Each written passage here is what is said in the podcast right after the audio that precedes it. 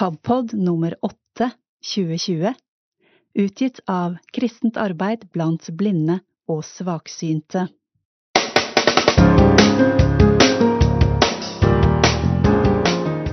I denne utgaven av KABpod kan du høre hva Gagan Shabra, som er blind og doktorgradsstipendiat, mener med ordet ableism.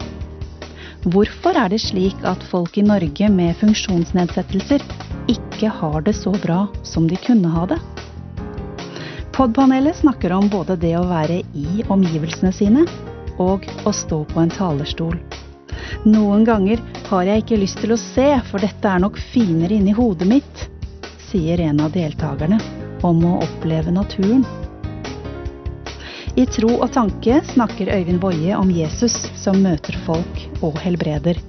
Om at noen ganger er en halv centimeter det som skal til. Og hva vil du forresten at KAB skal gjøre for deg? Kurt Ove Mæland har i spalten Blindebukk møtt kristenpop-veteranene Rune Larsen og Ivar Skippervold. De mimrer om frisk luft mot åndelig forurensing. I KAB-info får du høre om KABs mange møteplasser på nett, og om nysatsingen KAB Kortreist, der vi faktisk skal treffe hverandre fysisk. Til slutt kan du lytte til et av våre innleste tidsskrifter, Krigsropet fra Frelsesarmeen.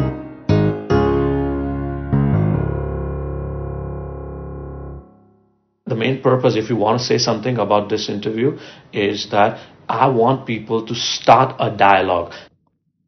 Jeg vil at folk skal starte en dialog, sier Gagan Shabra.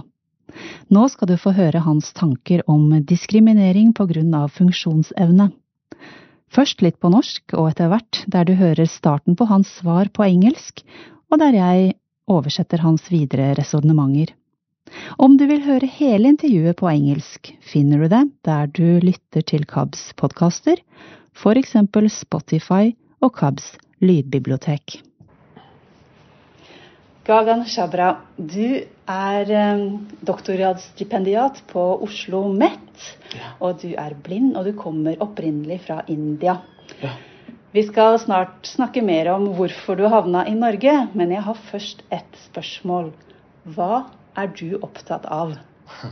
Uh, jeg forsker på funksjonshemmede politikken, også arbeidserfaring av unge med funksjonshemmede. Det er også et ord du er veldig opptatt av. Eh, ableism. Ja. Hva er ableism på norsk? Ja, men ableism er ord fra uh, engelsk uh, språk. Ja. Uh, ableism er diskriminering pga. nedsatt funksjonsevne, synlig og usynlig. Uh, uh, for eksempel um, mennesker kan ha synlig funksjonsevne. Mhm. Uh, det kan bli uh, blind og uh, rullestolbruker. Ja. Uh, usynlig kan bli kanskje ADHD eller depresjon. ja. Mm. Ja, vi har Mange har vel den, um den slags iboende diskriminering uten at vi vet det. Altså, vi diskriminerer fra the back of our head. Ja, ja, vi, ableism er, er ableism, eh, vi, vi, ableism sitter på uh, sitter i Ja, det sitter i oss. Ja, det sitter i oss. Uh, vi, vi alle har ableist. Uh, vi vet ikke om det, uh, fordi uh, vi tenker at vi er kjempesnille og Ja. vi, vi, ja, vi, vi, vi vil gjerne behandle andre riktig. Ja. Ja, det er så, ja. Uh, Um, en gang sa du 'se på meg' på det nivået som ligner ditt eget. ja. Hva mener du med det? Uh, uh, jeg mener at når vi ser ofte personer med nedsettelse enten som inspirerende helter eller tragisk offer, det er kjempedårlig. Jeg tenker at uh, vi må se det på samme nivå som alle andre. Og så vi må behandle de med nedsatt funksjonsevne med likeverd. Men hva tenker du da om oss og dem? vi ofte tenker i motsatt. Ja, motsatt. Svart Svart. eller hvit. Ja. Hva er riktig eller kaldt? Mhm. Uh, også normal, unormal. Mm. Sunn, usunn. ja. Uh, jeg tenker at det er ikke kjempegod uh, perspektiv av uh, å forstå For forstå funksjonshemning. Mhm. Fordi vi alle er temporarily able-bodied individuals. Ja, vi er midlertidige, den eh, personen vi er nå. Mm, altså, yeah. vi vil forandre oss over tid. Ja, Yeah. Det er Men, eh, men hva tenker du om å være avhengig av andre, da? Eh, det er eh, kj- kjempeinteressant spørsmål. Fordi jeg tenker at eh, vi alle er avhengig av andre andre person på forskjellige stadier i livet. Vi sier ofte, vi markerer ofte uh, uh, nedsatt funksjonsevne som er avhengig av avhengig av andre. Mhm, Ja.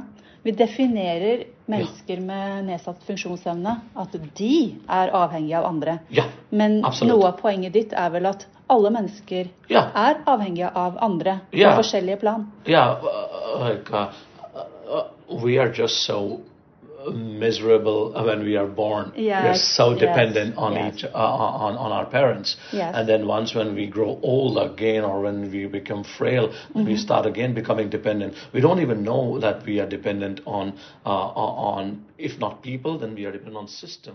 Yeah. Gagan sier at eh, vi er så små og hjelpeløse når vi blir født, og når vi blir gamle, blir vi igjen svake og avhengige av andre. Vi er ikke engang oppmerksomme på at vi er avhengige. Om vi ikke er avhengige av personer, er vi kanskje avhengige av systemer. Nav, for eksempel. Nå i disse tider mister mange mennesker jobben, de blir permittert, de er avhengige av systemet for å passere gjennom disse vanskelige tidene. Videre skal vi ha klart for oss at ordet ableism er et ord for diskriminering på grunn av nedsatt funksjonsevne, enten den er synlig eller usynlig. På norsk har vi to ord som på en måte dekker det her. Det er funksjonssjåvinisme eller funkofobi. Men vi skal følge Gagan videre, og jeg spurte hvorfor han var kommet til Norge. Yeah, it's a long story, but yeah, like uh, I, I was born and brought up in Ahmedabad. Uh, Gujarat is the state, the province on the western uh, side of uh, India. Okay. And uh, I came here because uh, in 2011 there was a conference uh, on poverty and shame which was happening, and uh, one of my colleagues was invited to come to that conference and speak uh, and talk about the disability perspective. She could not make it, so she recommended me to go there. I was 24 back then. I went there. Han er født Uh, og gave a oppvokst i Ahmedabad i Gujarat, som er en provins i vest i India. Han kom til Norge i 2011 fordi det var en konferanse om fattigdom og skam. En av kollegene hans var invitert til å komme til den konferansen og snakke om funksjonshemmingsperspektivet. Men hun ble forhindret, så hun anbefalte ham å reise dit, og da var han 24. Og han dro dit og holdt presentasjonen, og konferansen var organisert av en professor på Oslo OsloMet og en professor fra Oxford University. Og enden på visa ble at han ble tilbudt å arbeide mer med dette prosjektet, og fikk et stipend for å engasjere seg i Norge. Tidligere hadde han en helt annen utdannelse. I had like a bachelor's in uh, commerce with advanced accountancy and auditing as my major subject. And after that, I did a master's in business and administration, and I was working as a management consultant. Management consultant, but yeah. now you're concerned about little, little different things, aren't you? Now you're more on the social side. Gagan hadde bachelors innen handel, avansert regnskap og revisjon, og tok en master i en MBA i økonomi og ledelse. Han jobbet som konsulent innenfor ledelse og strategi. Men nå er du opptatt av litt andre ting. Nå er du mer på den eh, sosiale siden. Eh, hva jobber du med i din forskning? Yeah, so in my research, I am uh, comparing uh, disability policies uh -huh. and the labor market experiences of uh, young adults with visual impairments -huh. across two different settings, Norway and India. Okay. So it's it's rather unique because you know when you think about Jeg sammenligner funksjonshemmingspolitikk og arbeidsmarkedserfaringer hos unge med synshemming i Norge og i India. Det er ganske unikt, for vanligvis sammenligner vi Norge med andre nordiske land, som Sverige, Danmark, Finland eller Vest-Europa, USA, Australia og Japan. De utrolig rike og velutviklede landene. Men når man sammenligner med India, er det litt merkelig. Jeg sammenligner politikken i disse to landene og prøver å finne likheter på tvers av kultur, forhåpentligvis. Det vil kanskje sende forskningen om funksjonsnedsettelser et skritt videre. Kanskje vil det gjøre mennesker litt mer nysgjerrige på å sammenligne land fra nord og sør, sier Gagan. Jeg spør videre og er nysgjerrig på ordet ableism, og vil tilbake til det. Hva ser du i Norge av denne diskrimineringen på grunn av funksjonsevne? Du har skrevet et par litt krasse kronikker om dette temaet. Uh, no, no, no. I would rather call them, you know, uh, provocative. Like I say that in this, uh, uh, uh in those, uh, in those opinion pieces and chronicles. That don't get me wrong. I am in love with this country. I am, I, am love smitten. I, I am really fond of the systems, processes, people. what who are there in Norway. But at the same time, what I find, which is a rather peculiar uh, scenario, is that uh, people with impairments are not seen as with equality. Gagan svarer, jeg vil ikke kalle kronikkene krasse, jeg vil heller kalle dem provoserende. Som jeg sa, ikke misforstå meg, jeg er forelsket i dette landet. Jeg er glad i systemene her, prosessene, menneskene, men samtidig finner jeg det, og det er litt rart, at eh, mennesker med funksjonsnedsettelser er ikke sett på som individuelle mennesker. De blir sett på som medlemmer av den gruppen personer med funksjonsnedsettelser eller funksjonshemmede mennesker. Og idet du sier funksjonshemmet, blir det slik at du distanserer deg selv. Du sier nei, nei, det er de andre, og her er jeg. Jeg er den sterke, skielskende, uavhengige som går på treningssenter. Jeg er nordmannen. Jeg liker å svømme, og jeg går i naturen, jeg har fulltidsjobb, og jeg har en partner og et hus, og så videre.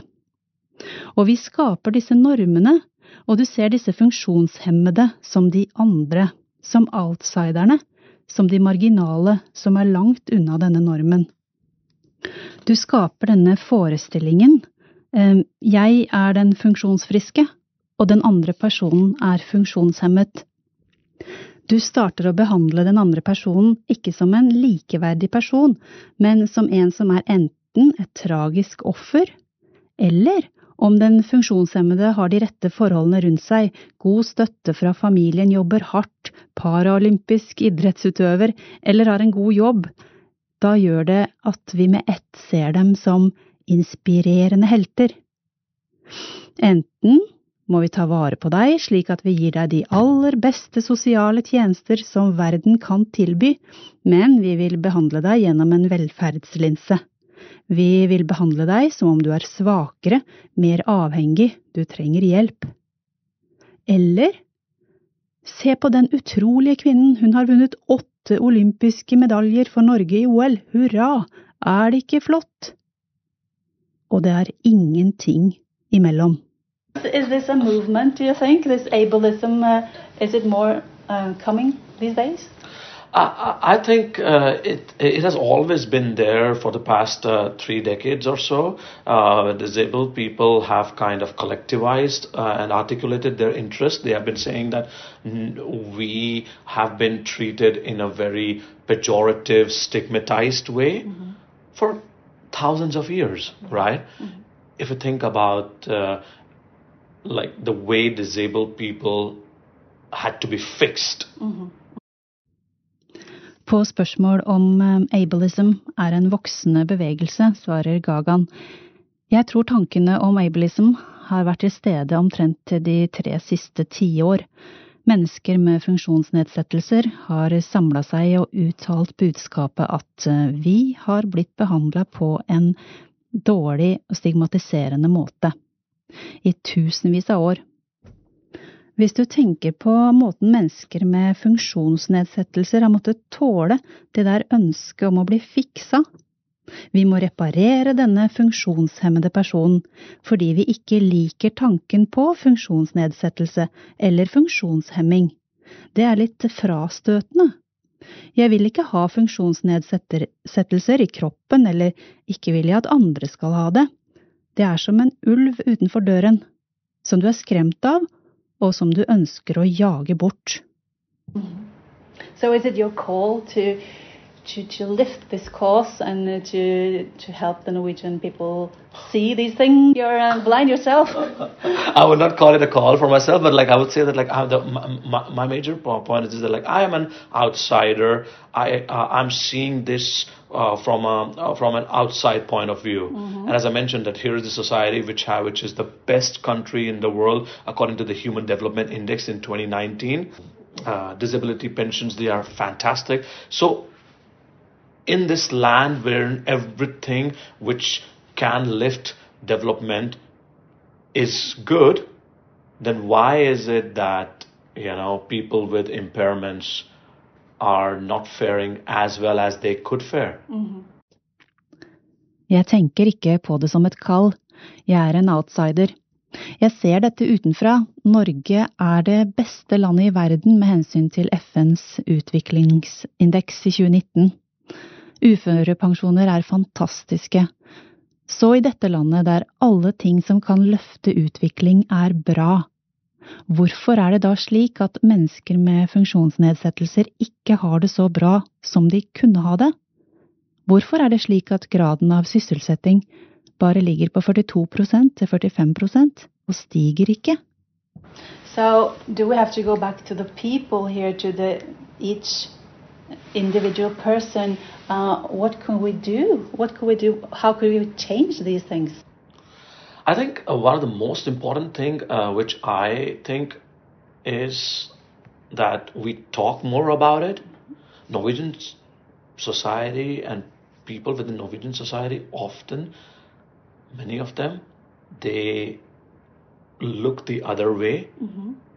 Society is really polite. It's non-confrontational.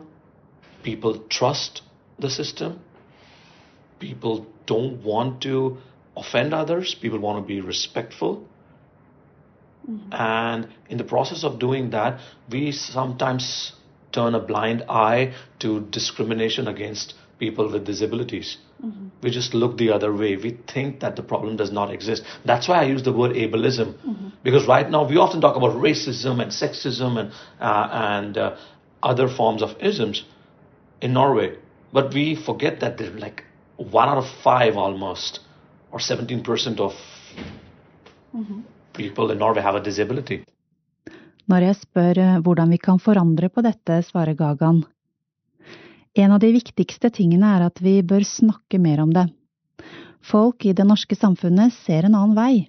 Samfunnet er veldig høflig, ikke konfronterende.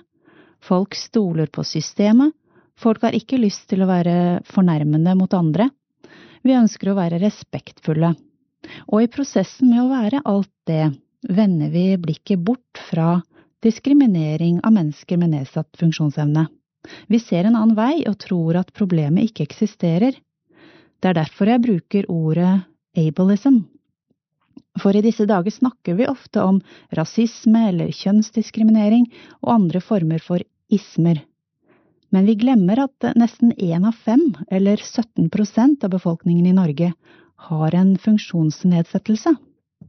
This discrimination has been going on for millennia. Mm -hmm. And uh, I feel that uh, when it comes to other minority groups, say people from ethnic minorities, people from different racial background, different religious background, we we become really sensitive and we want to do something immediately. But when it comes to those who have, for instance, chronic fatigue syndrome mm-hmm. Or those who have depression and ADHD and social anxiety, we are like, come on, toughen up. Come yeah. on, it's okay. Like uh, have if you have anxiety, uh, have a couple of drinks at home and come outside and you'll be fine. You'll be just fine. Don't worry. Mm-hmm. No worries, because you are not letting the other person be an an individual at their level. Mm-hmm. You are you are judging them, and you're saying that no, you've got to fit this norm. Det er en diskriminering som har pågått i årtusener. Jeg føler at eh, med andre minoritetsgrupper, for eksempel etniske minoriteter, forskjellige religiøse bakgrunner, er vi mer eh, sensitive og får lyst til å gjøre noe med en gang. Men når det gjelder de som for eksempel har ME eller angst eller depresjon, sier vi ofte kom igjen, stå på, ta et par drinker hjemme og kom ut så vil du føle deg fin. Det går bra. Da lar man ikke den andre personen bli et individ på sitt nivå. Du dømmer dem.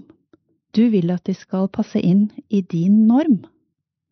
It's important to, uh, in my head, you know, to live and let live, to treat others like like the golden rule. Yes. To follow, it's it's very important for me to follow the golden rule and then to yes. and to live and let live. Yes. And uh, and those two things are uh, are like uh, are like the cornerstone.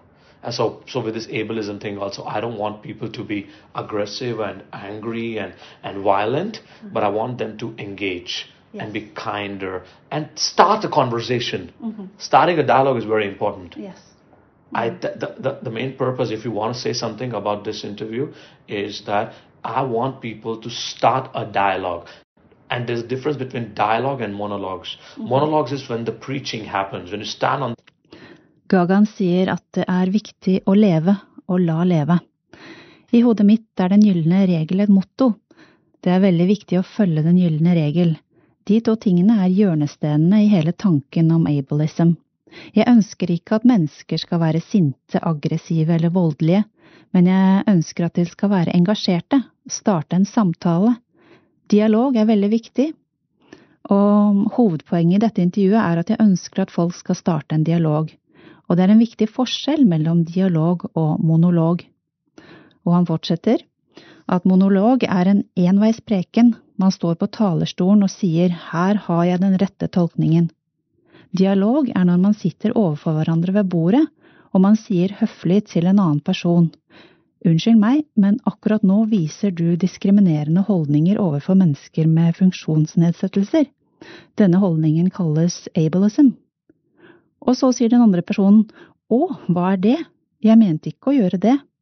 Og istedenfor å sette den andre personen i forsvarsposisjon, og at du fornærmer den andre personen, sier du ok, her, jeg skal forklare deg hva ableism er. Jeg vil snakke med deg, for når alt kommer til alt, deler vi samme skjebne. Vi deler den samme metafysikken. Det betyr ingenting om du er rik eller fattig, svart eller hvit eller hvilken religion du hører til. Vi skal dø, og vi har begrenset tid på denne planeten. Vi må være snillere, bedre og mer inkluderende med hverandre. Og det er hovedpoenget med å ta fram dette ordet ableism. Samfunnet skulle ha i bakhodet at det kunne vært dem som hadde en funksjonsnedsettelse. De kan bli funksjonshemmede på grunn av fall eller ulykker, en kreftdiagnose. Dette er virkelige problemer, så istedenfor å se en annen vei og hevde at disse problemene ikke eksisterer, og benekte at det vil skje med meg eller min familie, istedenfor å ha en slik fornektende holdning, er poenget mitt, vær så snill, la oss sitte ned, la oss snakke om det, la oss se hvordan det påvirker livet til 17% av oss i det norske samfunnet. Kanskje vi kan finne løsninger på det, kanskje vi kan bli bedre mennesker. Uh, the point is that we should one day uh, uh, be at a level where we are comfortable with the idea of impairment. We are comfortable with the, uh, we don't see them with the fear and disgust and, uh, and repulsion, mm-hmm. but we see them as our fellow brethren, you know, who are, uh, I don't judge you for the color of your eye, you know. Mm-hmm right? I don't judge you. Then why should you judge me for to say that fact that I I, I have poor vision? Mm -hmm. Vi bør en dag komme til et nivå der vi er komfortable med ideen om funksjonsnedsettelser. Da vi ikke ser på medmennesker med redsel eller avsky og motforestillinger, men vi ser dem som våre medbrødre. Jeg dømmer ikke deg, hvorfor skal du da dømme meg? Jeg dømmer ikke deg på grunn av din øyenfarge, hvorfor skulle du dømme meg fordi jeg har dårlig syn? Slik avslutter Gagan Shabra, og vi takker ham for en tankevekkende prat. Og jeg heter Kari Underland. Podpanelet er eh, i gang igjen og på plass etter sommeren. Vi har eh, Heidi Halvorsen som sitter hjemme i Vestfold, Finn Tore Eivik i nord, og Hilde Løven Grumstad og meg selv som ja, et eller annet sted eh, øst i landet. Og Hvordan har eh, sommeren vært for dere da, Finn Tore? Sommeren har vært eh, greit. Det har vært eh, selvfølgelig litt sånn prega av de her koronatilstandene som er. Men stort sett så har vi klart å gjennomføre de, de tankene og planene som, som, vi hadde. Men du, eh, da vi snakka med deg sist, så hadde ikke snøen gått ennå hos deg? Den har er, gått. Er den borte nå? Ja, de, den er borte nå. Um, på flatmark i hvert fall. Så, så den, den, er det, altså. Ja, for vi som, eh, vi som, kjenner folk som har vært i Nord-Norge i år, var liksom misunt eh, de værrapportene som de har sendt oss. da. Det virker som dere har hatt litt bedre vær enn vi har hatt sør og øst på, egentlig? Eh, ja, det kan, eh, det kan, nok stemme At vi har, eh, det har vært litt variert her òg, men, men, vi har hatt, vi har hatt bra med, med godt, godt, vær. Vi har det. Så vi er egentlig fornøyd med det. Det er vi absolutt. Du da, Heidi? Jo, vi har vært mye hjemme. Så sommeren har vært litt annerledes. Men vi hadde uansett ikke noen planer om noen lang tur, da. Men har, vi har malt huset. Jeg har ikke malt så mye, men jeg lagde i hvert fall mat til de som malte. Mm. Gratulerer. Takk. Så er vi gode på å kose oss og uh, slappe av. Så vi, ja. vi har ikke akkurat bada så mye, for det har ikke vært så varmt før nå. Da. Men uh, ja, det er fint. Men eh, Hilde, du har sikkert bada mye, for du har jo vært på Hvaler i flere uker, har jeg skjønt? Mm -hmm. ja, du. Eh, du kan si det sånn at jeg hadde fire uker ferie, og jeg bada liksom på dag én. Og så bada jeg igjen på dag nest siste og siste. Alt imellom der var eh, Det var liksom litt kaldt i vannet, sånn 16-17 grader. Så det blei ikke så mye bading. Og jeg også har jo sett på alle disse delte bildene fra Nord-Norge, da, veit du. Hvor uh, alt ser så fantastisk fint ut. Men så deler de jo bare når det er fint òg, da. Det er jo ingen som legger ut masse bilder av uh, tåke og regn. Så men jeg har hatt det bra. Hatt ferie. Lada litt batterier.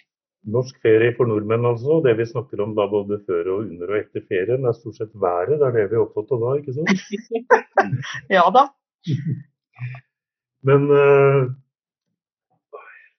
Heidi, har du hatt noen andre opplevelser i sommer?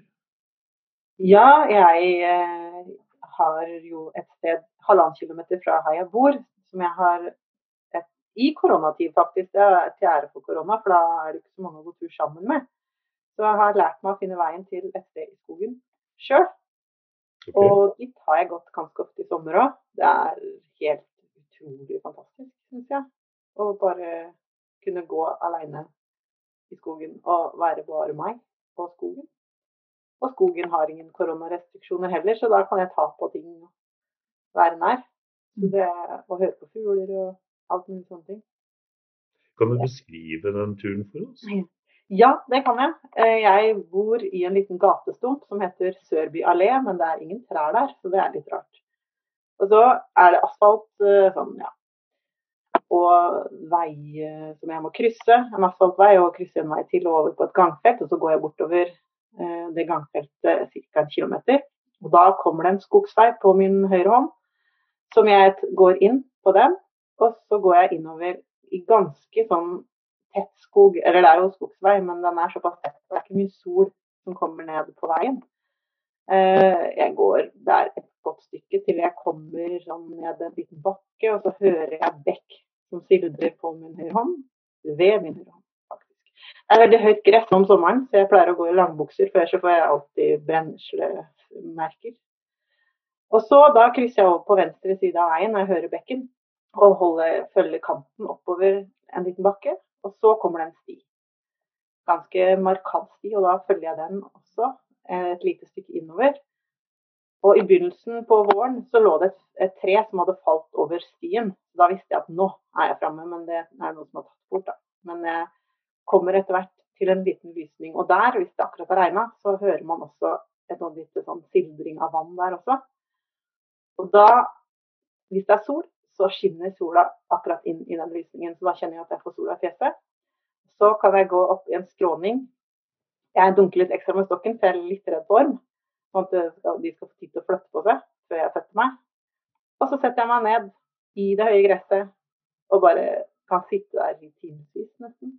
Og så noen ganger så er det ganske mange fugler som synger av forskjellige slag, og andre ganger så er jeg ganske sikker på at jeg har hørt ekorn her et par ganger. Så det er altså, ja, vinden som suser hvis det blåser, og blader som blafrer litt, og utrolig deilig lukt av blomster og bringebær nå på den, akkurat nå om dagen. Hm. Nå skal jeg jo ikke jeg skal, jeg skal, ikke på en måte spørre deg om hva du tenker alle de timene du sitter der. Altså. Men, men, når du er ute og går den turen, du som da uh, ikke ser og ja. bruker hvit stokk og sånt noe. Eh, altså, når du går disse halvannen kilometerne, det er jo et godt stykke. Ja. Greier, du, å tenke på noe annet da enn det å orientere deg, finne veien og ikke tråkke på orm og sånn? Ja, nå gjør jeg det. I begynnelsen så gjorde jeg ikke det. Så det tok faktisk lang tid før jeg oppdaga f.eks. at bakken gikk litt oppover og så litt nedover. For eksempel, da, fordi jeg var så konsentrert på å gå riktig. Men nå, jeg gikk der i går, og da var jeg litt for mye i mine egne tanker, for plutselig, for det er en vei jeg skal krysse før jeg går inn i den skogsveien. Og da plutselig var jeg midt i veien uten at jeg hadde tenkt på det. Det er litt dumt. Men det, det, gikk bra. Det var ikke noen biler som kom da. Det kan hende jeg hadde lagt merke til det, da. Men ja, nå har jeg gått der mange, mange, mange ganger, så kan jeg det. Ellers så i begynnelsen så måtte jeg liksom konsentrere meg veldig, ja. Eh, og nå har jeg liksom bare tenkt at nei, ormen får bare passe. Den, jeg kan ikke gå og være redd for den hver gang, for da blir det ikke noe morsomt. Og faktisk, når jeg var der for to uker siden Dette er egentlig en hemmelighet, da. Nå blir det ikke en hemmelighet likevel. Men da tenkte jeg, når jeg satt i lysningen min, at vet du hva, dette her har jeg ikke lyst til å se. Fordi jeg tror det er mye finere inni hodet mitt enn sånn det ser ut på ordentlig. Mm. Det er første gang jeg har tenkt noe sånt. Ja, for det har jeg inntrykk av noen ganger at når folk, noen beskriver ting som egentlig aldri har sett, så tenker jeg hm, er det egentlig så fint? Ja. Men har du noen gang kommet, har du kommet liksom såpass ut av kurs at du For det må jo være en liten utfordring hvis du plutselig ikke helt har fulgt med på hvor du er? Ja, det er det. Da er man helt ute på ja, ikke sant? hvis man ikke følger med. Det er sant. Og så er det fort gjort at du liksom Jeg merker jo det selv om jeg ser det, og at jeg får liksom kartet til å passe til der hvor jeg tror ja, det er, jeg er. Selv om det er helt feil. Jeg har blitt overraska noen ganger over at eh, jeg skjønner at jeg plutselig må nærme meg hjemme litt fortere enn jeg hadde tenkt. så hvis jeg ikke passer meg, så kan jeg gå veldig veldig feil. Det er helt sant. Ja. Men du har vel en iPhone da, så de kan trekke deg hvis det Ja, eller så ringer jeg hjem. Ja. Ja. Du har ikke gått lenger ut i villmarka enn at det er mobildekning? Faktisk på stedet mitt så er det ikke det. Det jeg Hvis jeg roter meg bort der, så ja, Men da vet du hvor du er, i hvert fall. Ja. Men uh, Finn Tore, sånn i de omgivelsene du bor, så er det kanskje ikke akkurat den type naturopplevelser du får? Uh, ja, altså, man, man, kan nok få det. Uh, nå er nok ikke jeg uh, den som på samme måte som Heidi oppsøker naturen på, på, den måten. Jeg må ellers bare få lov til å si at det var utrolig flott å høre på når du fortalte. Du følte liksom at man var der. men det, i de tilfellene man tenker natur her, så, så, er det, i hvert fall for min del, så, så, blir det ikke så ofte. Og når det blir, så blir det nok kanskje mer at det handler om uh, hav og uh, ja, kyst og, uh, og, det som ligger rundt det, som på en måte man blir både prega av, og, og, som man egentlig, for min del i hvert fall, søker ofte til. nå I sommer så har vi vært flere plasser der det også har vært eh, på en måte de stedene vi har oppsøkt. Og, og jeg, til tross for at det er noe helt annet, så kjenner jeg meg litt igjen litt av det her. Uh, litt av opplevelsen som Heidi her forteller. Uh, det, det, her at du opplever å få, uh, få noe som, som, griper en, og som gjør at man blir altså Til og med stillheten og omgivelsene som sådan kan i seg sjøl eh, være, være sterkt å, å, få oppleve. Altså. Det, det syns jeg absolutt. Men det Heidi beskriver, er jo på en måte skogens ro. Jeg tenker meg liksom at uh, havet i den delen av landet der du bor, er vel ikke akkurat liksom symbolet på ro og ja, sinnsro og sånne ting? Eh, det trenger ikke å være det. Uh, og, og, men det kan være faktisk begge deler. Eh, det kan det. Jeg eh, har absolutt opplevd eh, altså, stille, rolig, helt blekkstille, som vi sier her, da, med, med havet. Mm. Og, og, og, og, så har vi jo også opplevd det motsatte. Men begge deler er jo selvfølgelig en utfordring. Men, men begge deler er jo noe som kan gripe en, og som har på en måte et uttrykk som som er både fascinerende og, og, noe å ta med seg. Selv om at bølgene går høyt og, og du har både sterk vind og, og, sånne ting, så er det elementer i det som, som griper en med både ja, altså ærefrykt og respekt, men, men, også med noe sånn eh, Du opplever at det er noe som er stort og, og mektig. Så man blir på en måte liten i det, men, men samtidig så blir man en, en, del av det. Så vanskelig å forklare, men, men eh, men det er en, ofte en god opplevelse som sådan. Men Heide, du har jo, jeg mener at du skrev noe i Synlige stemmer for en stund siden, der du beskrev akkurat den, en av de første opplevelsene du hadde. Og det å kunne gå ut i skogen eller gå en tur i skogen alene. At det egentlig var en helt ny opplevelse for deg den gangen? Ja, det var det. Det er ikke mer enn fire år siden jeg ikke tenkte Nei, vet du hva, det er ikke mer enn ett år siden faktisk. At jeg gikk i skogen for første gang alene. For jeg hadde bare tenkt at det var helt umulig å få til uten å se. Så, men da var jeg på et uh, retreatsted som heter Høgsveen, og så var det han som driver stedet med kona si, Ulf Asp, uh, som dro meg med, på en måte. på alle måter, egentlig. Og bare ja, men kom her og kjenn her, ta på det. så det er på en måte han som har lagt litt til rette for at jeg har skjønt at det går an. da. Og så har de lagd da oppe der på det stedet, der har jeg også vært i sommer, for så vidt, eh, litt sporing eh, i form av tynne stokker innover i skogen og tau fra tre til tre noen steder. Sånn at jeg kan gå på skogstur alene. Og da er det jo ikke på en sti heller, da er det bare sånn skikkelig vilt. på en måte. Noen turer er i hvert fall det sånn skikkelig og humpete, humpete opp og ned og gjennom trærne omtrent. Men det er jo utrolig gøy. da, Jeg hadde bare tenkt at det ikke går an. uten at jeg går meg vill. Han foreslo faktisk at egentlig kunne jeg få med meg en taukveld på 150 meter og bare binde til et tre og bare gå. For da kunne jeg bare pakke. Det skal, ja, det skal, jo mye, det skal mye tau til halvannen kilometer. Skal... Ja, det går ikke. Men da, der jeg går nå, så er det jo ikke så lang bit som her. Eller det er jo sti på det verste. Mm. Jeg bare, vi skal bytte tema fullstendig. Uh, for vi har, lyst, vi har på en måte snakket litt sammen på forhånd. og Et tema som dukka opp da var dette med å skulle framføre ting foran en forsamling uten å på en måte kunne se et manuskript. Uh, Finn Tore, har du begynt å holde prekener igjen etter sommerferien? Uh, ja, så vidt uh, så har vi det. Um, og uh, vi har jo ellers, um, når vi har på en måte i den perioden vi ikke har hatt fellessamlinger, så har vi jo også prøvd å benytte oss av de mulighetene som er ved å, å legge ut sånn digitalt og sånne ting. Men nå har vi uh, kommet i gang med, med ordinære, eller bortimot ordinære samlinger.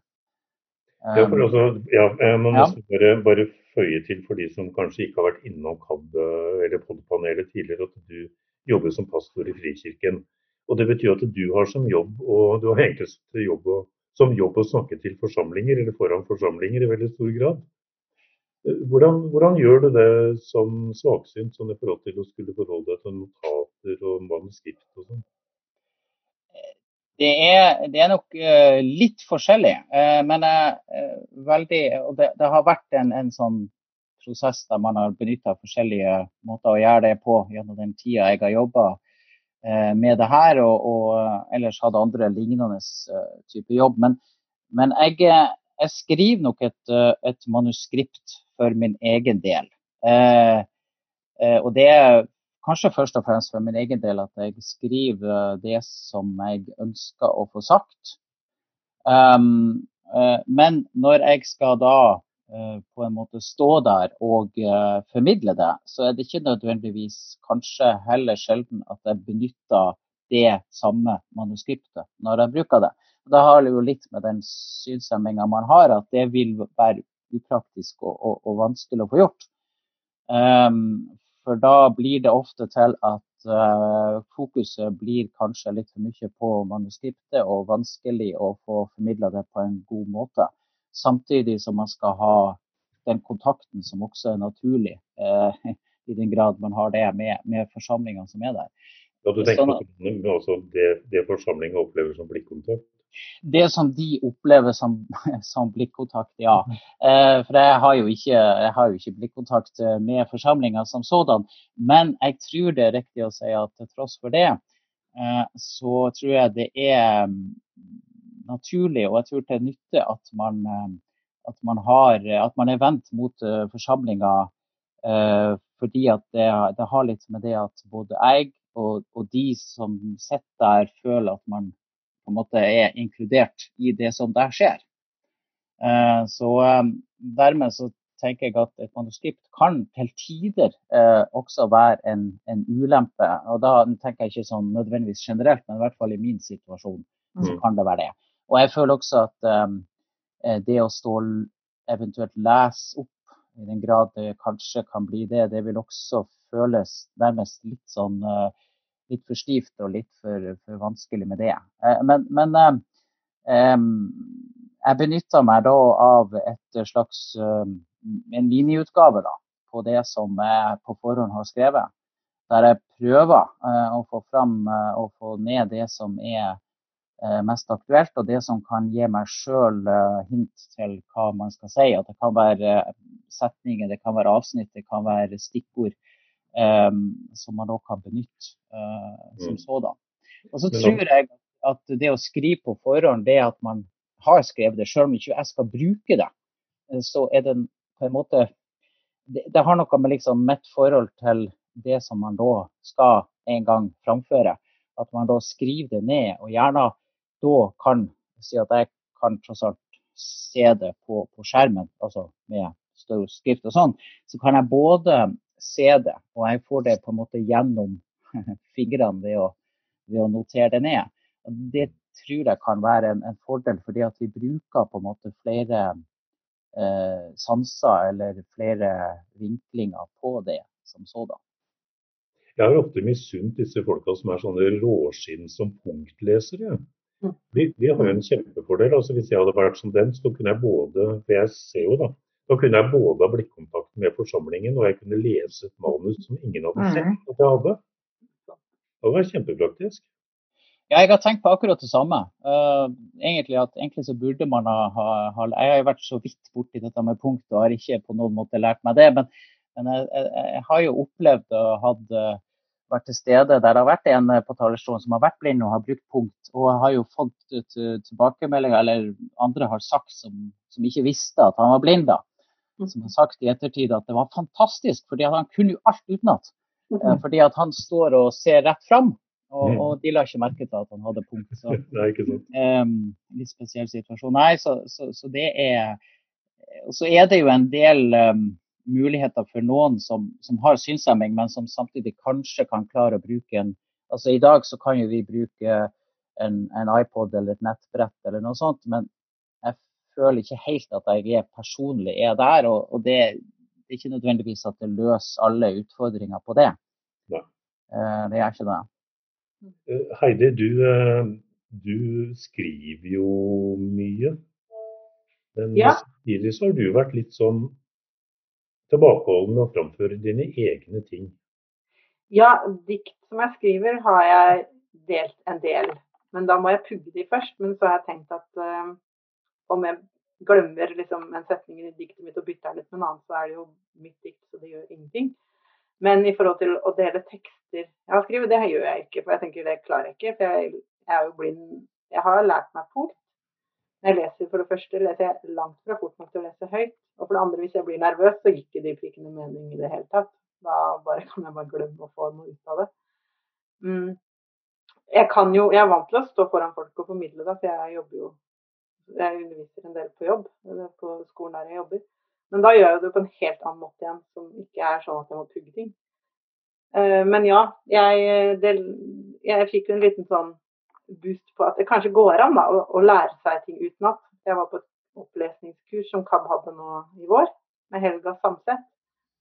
Og da hadde jeg først meldt meg bare på Eller først sa jeg til deg, Frank, at nei, jeg skal ikke være med, fordi jeg kan ikke lese høyt.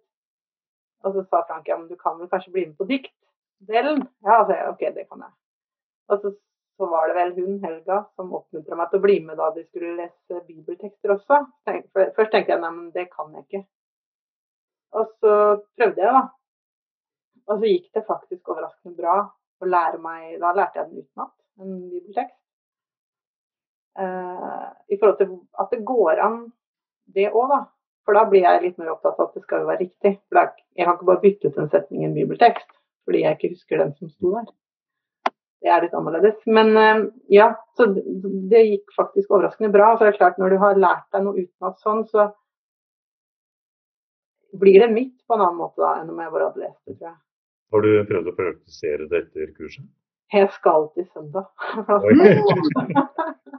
ja, du skal være tekstleser i kirken? eller? Nei, jeg skal tale. Og jeg tenkte jeg må jo kunne min egen tekst. Såpass. Mm. Det, det, er mange som, det er mange som påstår at, uh, at folk flest, eller liksom altså, sånn hvis på, på rangering av hva folk faktisk frykter her i livet, Mm. så rangeres det å stå foran en forsamling og skulle prestere noe som verre Det er liksom hakket før det å dø. Men eh, sånn er det sannsynligvis ingen av dere som har det. Ikke du heller, Hilde. Du er uh, jo diakon i KAB, og du står foran forsamlinger stadig vekk. Ja da. Gruer du deg noen gang? Eh, ja da. Men skrekken er vel, og det er kanskje særlig for prester og sånn, det er jo at plutselig så står du på den der prekestolen, og så har du ikke manuskriptet ditt. Du veit liksom ikke hva du skal si. Det er jo Men det handler vel om uansett å være godt forberedt på en måte, da. Men jeg var jo også med på det kurset med Helga og syntes det var kjempespennende, altså. Og Helga har jo også noe med det at hun er jo forteller. Og da er det jo sånn at når man skal lære seg en fortelling, så får man jo ikke lov å ha manuskript, men man kan få lov å tegne. Så jeg har jo vært på fortellerkurs og måtte tegne manuskript, jeg kan altså ikke tegne. Men gikk jo på et vis da, med sånn fyrstikkmennesketegninger. Men da lager man på en måte en sånn film inni hodet av hva det er som foregår. Det er jo ikke alle bibeltekster det er så lett på, men Men mange av disse Jesus-fortellingene, så, så, går jo det an. Og da, når man har liksom lagd den filmen og repetert det for seg sjøl og øvd noen ganger, så vet man på en måte hva som skjer. Men det er klart, det er jo ikke sikkert du klarer å få det ordrett. Så.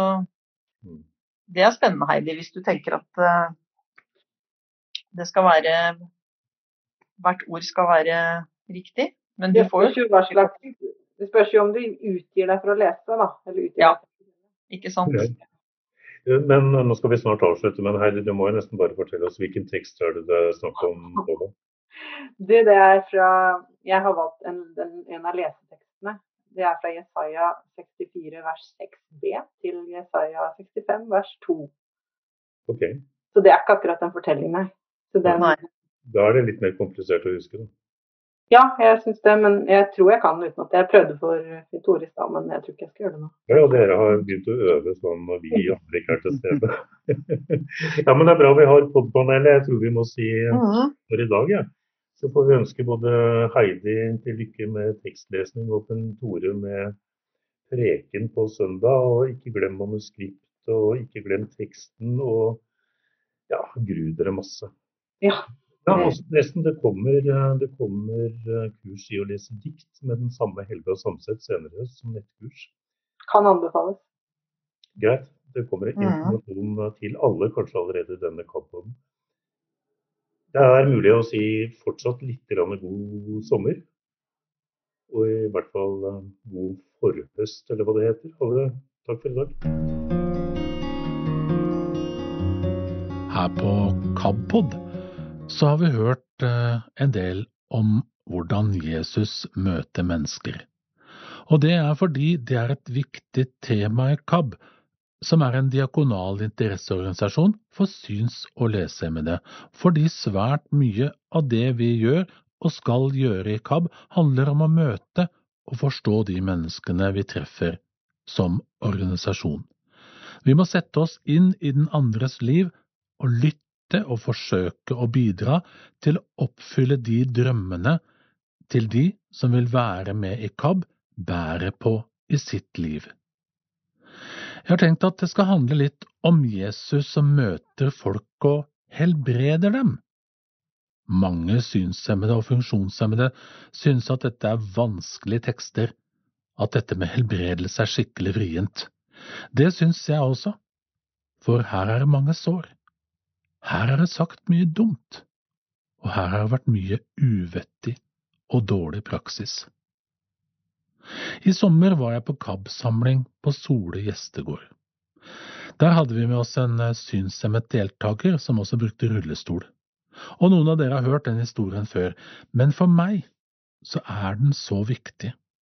Den inspirerer meg og peker på hva jeg skal jobbe med i KAB. Døra var for trang til rullestolen, selv om hotellet sa at den var brei nok.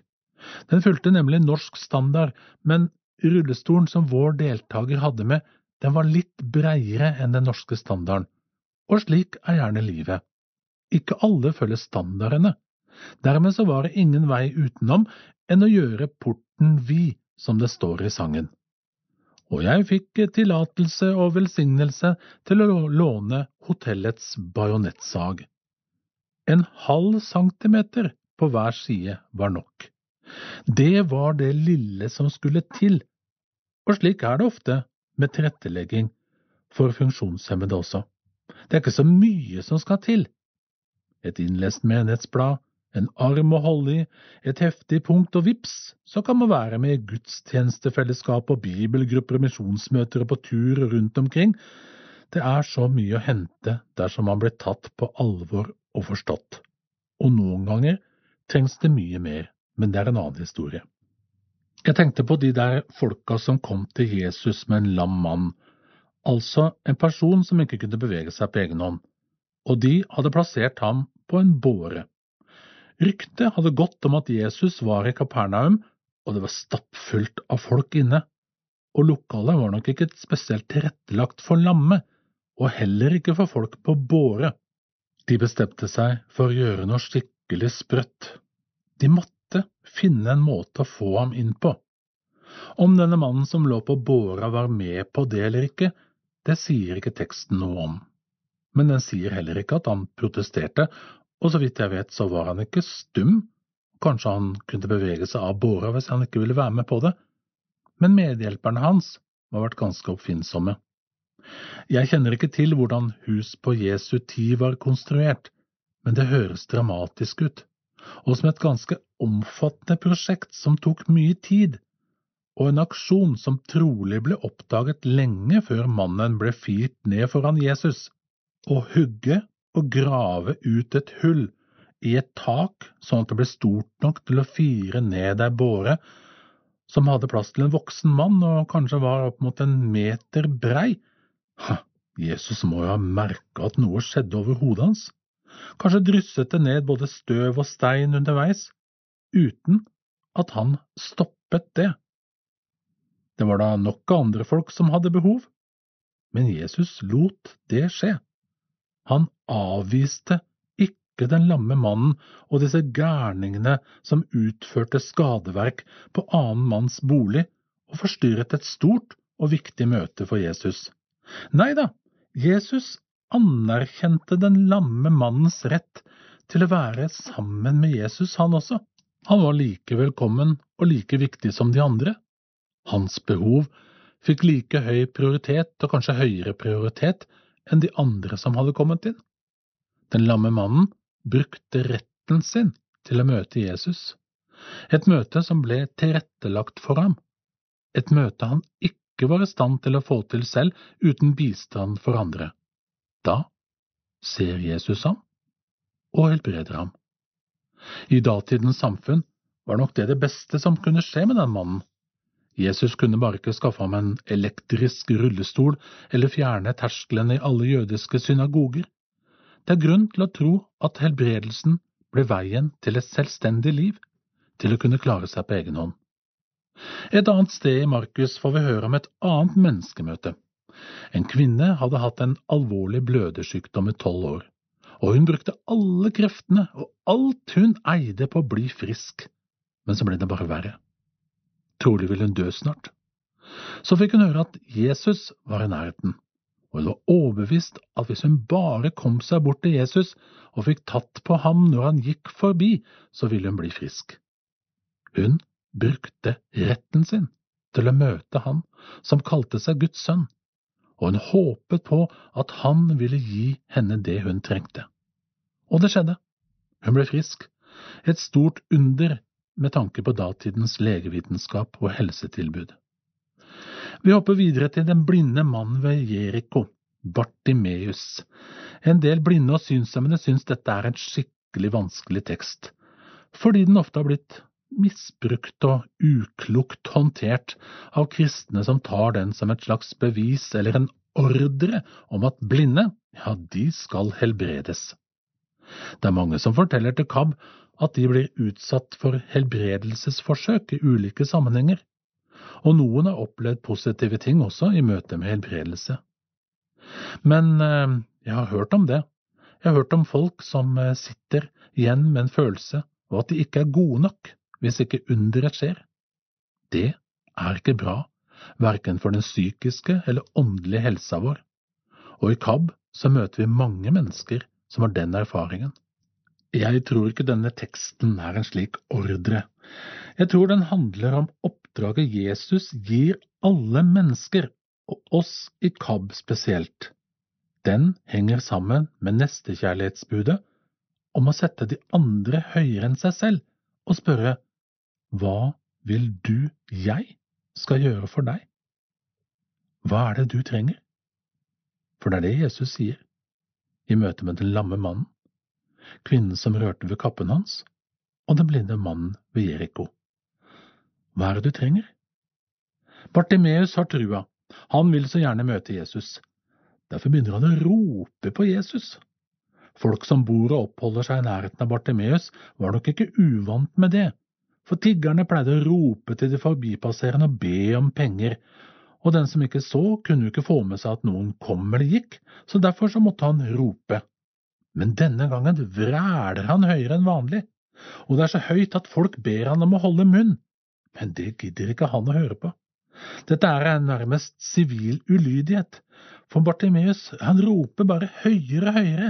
Her er jeg, Jesus, se på meg, kom til meg, lytt på meg, jeg er også en av de som du skal bry deg med. Bartimeus krever Jesus sin oppmerksomhet. Det måtte være et tøft valg på den tida. Mennesker med funksjonsnedsettelser hadde ikke mye verdi. Men Bartimeus bruker ytringsfriheten sin og protesterer på at han skal bli sittende der på den grøftekanten resten av livet. Gjennom sin handling hevder han sin rett til å bli hørt og sett og forstått av Guds egen sønn. Vi løper videre til en annen historie, og her skjer ikke noen helbredelse. Men Jesus kommer denne personen i møte og velger ham framfor de andre. Jeg tenker på Sakkeus. Han er trolig kortvokst, eller en funksjonshemmet som vi ville kalt ham i dag. Sakkeus ville møte Jesus, og det er stappa med folk som med de andre historiene. Men Sakkeus er frimodig og benytter seg av et hjelpemiddel for å se ham. Nok en gang en funksjonshemmet som hevder sin rett til å snakke med Jesus. Hans erfaring er at det hjelper å komme seg opp i høyden når man er kortvokst. Om han har tenkt på det at han også da blir veldig synlig, det sier ikke teksten noe om. Men når Jesus kommer, så ser han Sakkeus og ber ham komme ned. Det var noe annet folk å bry seg om. Og deretter så sier han til Sakkeus at jeg vil være sammen med deg hele denne dagen. Disse tekstene forteller meg at alle har rett til å være med Jesus. Det er ikke noe vi må gjøre oss fortjent til. Det handler om noe helt annet enn velvilje, snillhet og medlidenhet, imøtekommenhet. Det er bra, det også, men i disse fortellingene så møter vi mennesker som tar seg til rette overfor Jesus. De er utstøtte i det samfunnet de lever i, men de opptrer og handler som om de allerede kjenner ham.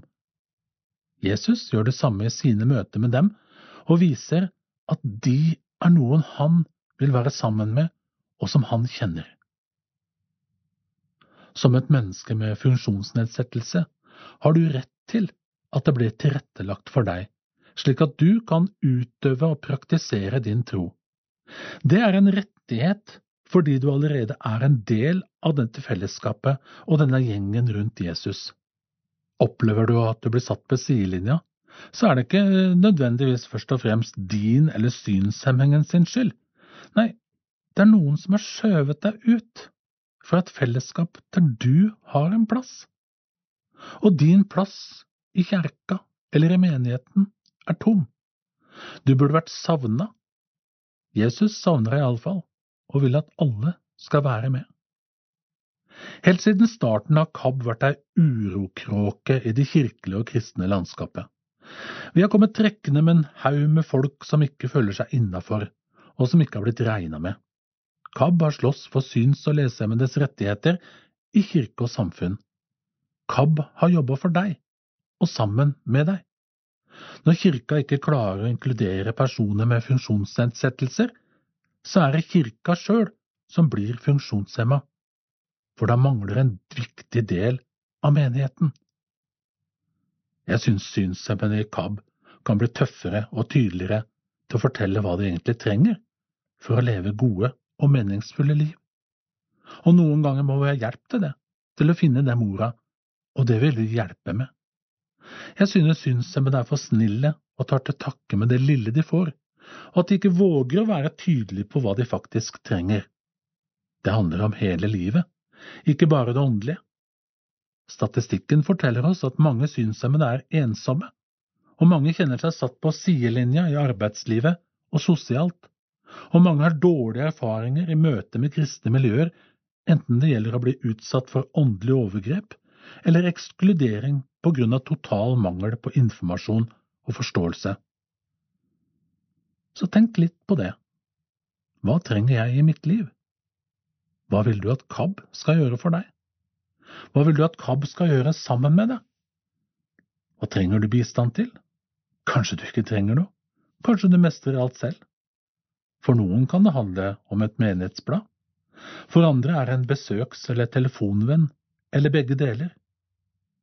KAB skal fortsette å skjære høl i dører, og vi skal våge å kakke høl i kirkens tak dersom det er nødvendig. Vi skal rope og vræle, sånn som Bartimeus. Vi skal utruste og hjelpe folk til å tørre å kreve sine rettigheter, også i møte med kjerka. Vi skal si fra sånn som vi har gjort med den nye trossamfunnsloven, som sier at alle synshemmede har rett til tilrettelegging slik at de kan utøve og praktisere sin tro på lik linje med andre. Det kalles for religiøst medborgerskap. Jeg tenker på Jesus, at han traff de folka, at han så dem, at han valgte dem, og valgte å lytte når de ba han om å se seg.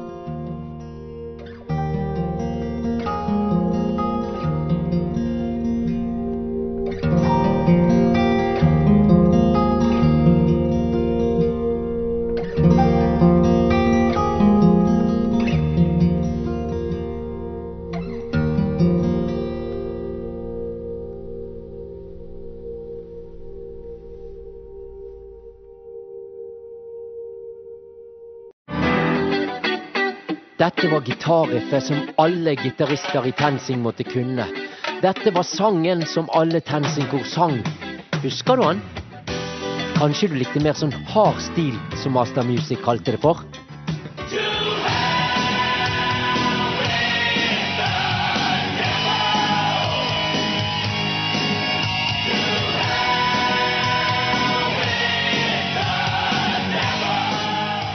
Eller kanskje dette var favorittsangen din?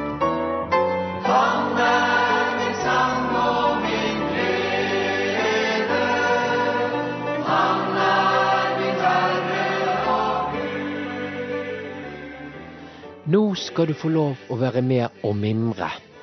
Fra den gang da da kristen rock og kristen pop var stort i Norge. Du skal få møte artister fra den tiden. Du skal få møte Olav Solvang, som har skrevet en bok der han tar for seg alle som driver med kristen pop og kristen rock i Norge.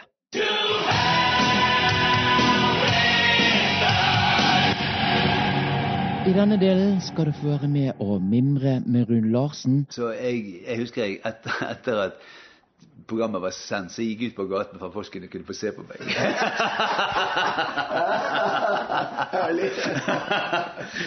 Herr general, jeg vil snakke litt med dem. Det gjelder en kamerat, min beste venn. Ja, tror ikke du det at da jeg kom inn i stuen til Rune Larsen, så satt min gamle barndomshelt Ivar Skipper Vollerog. Og det var to medlemmer av den populære gruppen Frisk luft mot åndelig forurensning fra 70-tallet, var de. Så jeg får vel gi ordet til han med den store og hele oversikten. Olav Solvang først. Det er klart, de var pionerer. De, hadde, de, begynte jo litt hver for seg, og så møttes de på Hedmarktoppen. og Så begynte de å synge sammen, og så fikk vi Frisk luft, som ble en kjempesuksess tidlig på 70-tallet. Eh, og, og, og, de sangene de lever jo fremdeles. Det var jo fire dykt, hver for seg veldig dyktige folk. Og sammen så ble det jo en slags supergruppe eh, som fikk stor betydning for eh, utbredelsen av, av, den kristne musikken. Og det, det, var også et eksempel på at man brukte importert stoff fra f.eks. Jesusvekkelsen og nyskrevne ting.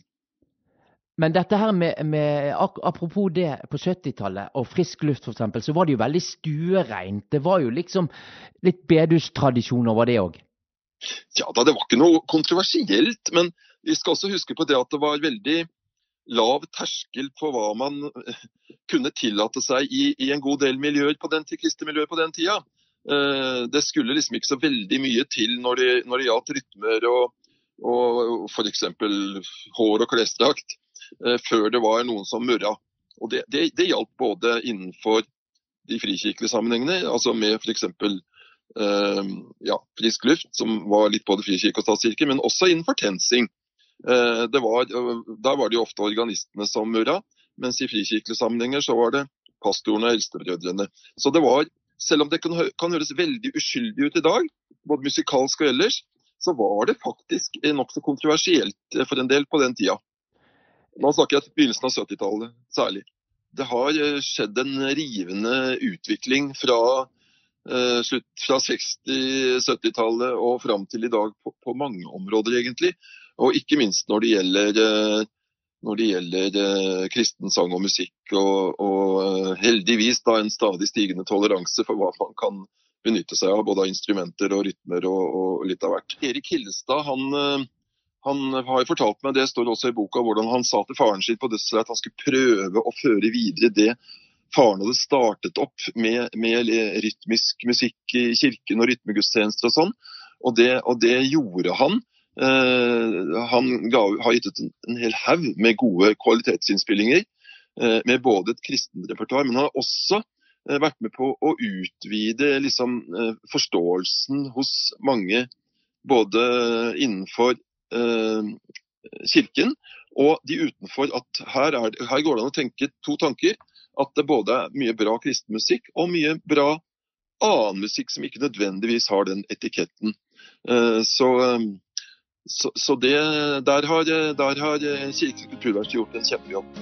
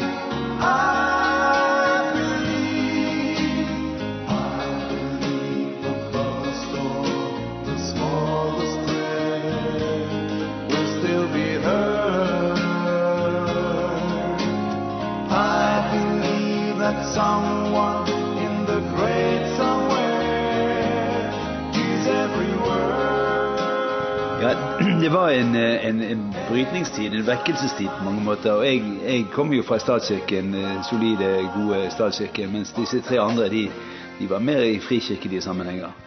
Og så, også på den tiden der så var man opptatt av miljøbevegelsen. Så det var Ivar som mente at vi kunne forene de to tingene her med, med frisk luft mot åndelig forurensning. Det var jo et langt og fint uh, navn, så det ble gjerne frisk luft etter hvert. Men opprinnelig så hadde du med det, Ivar, og det var jo et genialt innslag. Hva var Jesusbevegelsen, da? Nei, det var jo, eh, altså 68-generasjonen, så var det to politiske retninger etter hvert. Eh, en politisk og en religiøs, som eh, skilte seg litt ut fra hverandre. Og jeg ble med i den protestbevegelsen som da var den religiøse mer enn den politiske. Men jeg hadde med meg det politiske engasjementet. Men fra det kristne ståstedet så ble det mer for meg oppfatta som den kristne etikk. Mer enn politikk. At det etiske budskapet i den kristne troen det var viktig for meg å få fram. Og det ble oppfatta som et politisk ytring, og selvfølgelig, det var det. Ja, det er det samme. Jeg og Ivar fant vel hverandre det var ikke så veldig mange som kunne kalle seg kristne sosialister. Jeg vet ikke om du gjorde det, Ivar, men jeg, jeg kalte meg kristen sosialist. Jeg var sosialist før jeg ble kristen.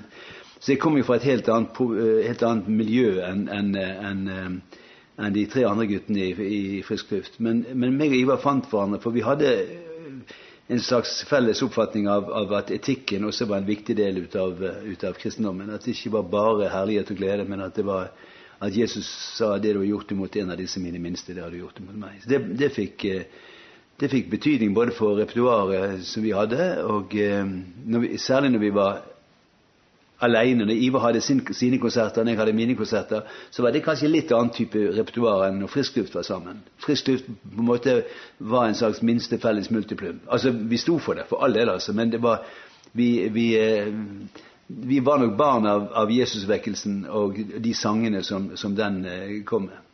Og, og, og, det var Jesus og Gandhi for deg? Ja, For meg var det først og fremst Gandhi til å begynne med. Det var, det var, jeg leste en bok av Johan Galtung og Arne Næss som het 'Gandhis politiske etikk', som fikk enorm betydning for meg. Så jeg nektet militæret og var, og var og var sosialist, og hadde ikke så mye til overs for de kristne som kunne forsvare USAs krigføring i Vietnam, f.eks. Så, så det ble en sånn åpenbaring for meg når Gandhi sa at han aldri gikk et steg uten at Jesus gikk med han. Og hvordan en hinduist kunne si det, det var over min forstand. Og så sa Gandhi at, at han som ung advokat i Sør-Afrika så var det Matteusevangeliets bergpreken som han inspirerte han til sin ikke-voldelige kamp. Og Det var en ny Jesus for meg. Da sa du ja? Ja, da ble, da ble jeg iallfall såpass interessert at jeg, at jeg, eh, at jeg begynte å lese og, og, og plage livet av mange prester med spørsmål og sånn. Så til slutt så endte det opp i, opp i en tro. Jeg, jeg ble ikke oppvendt, omvendt på et møte. Jeg har vært så heldig at kona mi har i mange mange år jobba med integrering av flyktninger. Og Det betyr at vi har fått nærkontakt med sikher og hinduer og muslimer og det slike. Og så syns jeg det var veldig interessant i møte med dem å høre hvordan de opplevde det immaterielle, altså det religiøse. Og så fikk jeg stor eh, tillit til deres fortellinger. Så starta vi en sånn kulturfestival Eh, med ulike religioner for å vise hverandre hvordan vi tok tak i vår tilbedelse og lovsang osv. Det balla på seg, så til sammen så ble det åtte eh, sånne. Eh, I Oslo, Oslo Sacred Music Festival osv. Og, og det er vel det at det, Men dette her er en eh, foreteelse for, for viderekommende. Uh, hvis du har en solid tro som er rotfesta, så går det går veldig greit å gå i dialog med andre. For da er du nysgjerrig og kan lure litt på hva de har å lære meg. Og hvis du møter tilsvarende på den andre sida av bordet, så vil de si 'Det var interessant, Ivar. Det er der skal jeg ta med meg fra kristendommen'. Og den dialogen der, den syns jeg har vært veldig interessant. Uh, jeg husker, Rune Eh, eh, du var jo dirigent i TenSing og sånn leirsjef og sånt for meg da jeg var ung og håpefull. Nå er jeg verken ung eller håpefull mer, og det er ikke dere heller. I samme båt som Sigvart sa en gang i Grand Prix. Eh, og, og det jeg, jeg husker noe du fortalte om at du ble veldig opptatt av det der at nå skulle du forlate alt og reise. Jeg, jeg ble jo så veldig opptatt ut av uh, Children of God. Altså, og Den dag i dag må jeg si at det er ingen som har fascinert meg og utfordret meg mer enn, enn, eh, med min kristne tro enn, en, en Children of God gjorde. Så jeg traff en, eh, en gateevangelist i, i, Bergen og inviterte han selvfølgelig hjem til meg. Og vi satt hele natten, og, og, og han kunne Bibelen utenat og imponerte meg enormt. altså. Han het Gideon. De fikk jo nye navn da de ble kristne, så hans navn var Gideon. Og, og, så utfordret han meg og sa at du må bli med oss til København. Så jeg er gift og har to barn. Ja, jeg måtte prioritere Jesus fremfor familien. Og det syntes jeg var litt vanskelig. Men det var liksom i tenkeboksen. Dagen etterpå, om morgenen etter han har forlatt uh, leiligheten min, så ringer Ivar. Og det, den gangen kjente vi hverandre ikke noe særlig. Vi visste vel om hverandre, men ikke noe. Så sa Ivar at han hadde blitt minnet om å uh, ringe til noen forskjellige uh, ungdomsledere i det ganske land, fordi at han følte seg litt ja, Han var en av de som hadde fått Children of God til Betlehem i, i Oslo. Og da ble han bare advare mot dem og sa at dette er, dette er vranglere. Dette må du passe deg for. Og da var det greit. Da, da, da var det på en måte et slags budskap fra, fra Gud om at dette skulle jeg ikke gjøre. Eh, ifølge min kone så var jeg på nippet til å reise. Det var jeg ikke. Men, men, jeg, jeg, eh, men det var en veldig sånn vekker når, når, eh, når Ivar gjorde det. Det hele starta med at jeg fikk en telefon fra en som heter John Willy Rudolf. Han var i, i Göteborg, og der hadde han opplevd chillen og God og ringte og sa dette er et fyrverkeri av mennesker som har en etisk og en religiøs overbevisning som du må bare møte. Og om vi kunne ha et, eh, en samling med disse her da, 14 dager etterpå i Oslo. Og jeg sa ja, for jeg drev med et eh, ungdomskor der, og det passa fint. Vi skulle ha en gospel night, som det het. Og de kom, og det har jo aldri vært så fart på den plattformen noen gang i, i historien, tror jeg. I Misjonskirken Betlehem, som det het. ja. Jo, og vi, vi fiksa sånn at de blei værende da i Oslo en ukes tid. Og etterpå så fikk de fotfeste i Nordbygata der, de, der Guds fred seinere tok over. Mm -hmm. Men jeg gikk jo på noen av disse bibeltimene og samlingene som de hadde der i Nordbygata ukene etterpå, og forsto raskt at eh, det var tendenser til ekstremisme her som var rett og slett for krevende for meg å være med på. En, en, historie husker jeg var at jeg kom ned der en tidlig morgen. Jeg pleide å være der på ettermiddagen innimellom. Og da løp han rundt og, og, ba noe voldsomt. Og så tenkte jeg nå har det skjedd noe underlig her. Og så var det tannbørsten hans som han da ikke fant. Og, og da tenkte jeg dette er vel sånn lagd at vi mennesker vi får bruke huet. Og vi må tenke hvor var det vi la tannbørsten i går. Og når han fant den, da, så var det liksom It's a new morning, new morning, yeah, hallelujah. Ja, ja, men altså, hva, hva, skal du blande Gud bort i? Tannbørsten din også? Nei, det var ikke en sak for meg, så jeg, jeg hadde litt andre refleksjoner rundt det å tro. Så jeg trakk meg ut av det, og så fikk jeg utfordring å, å flytte hjemmefra, sånn som du hørte om Rune her. Og da tenkte jeg, når de dro videre, bl.a. til Bergen, og sånn, så måtte jeg advare noen som jeg kjente. Begge to, dere, det, er litt, det, er litt, artig at jeg treffer dere begge to, for dere har jo litt likhetstrekk i karrierene deres.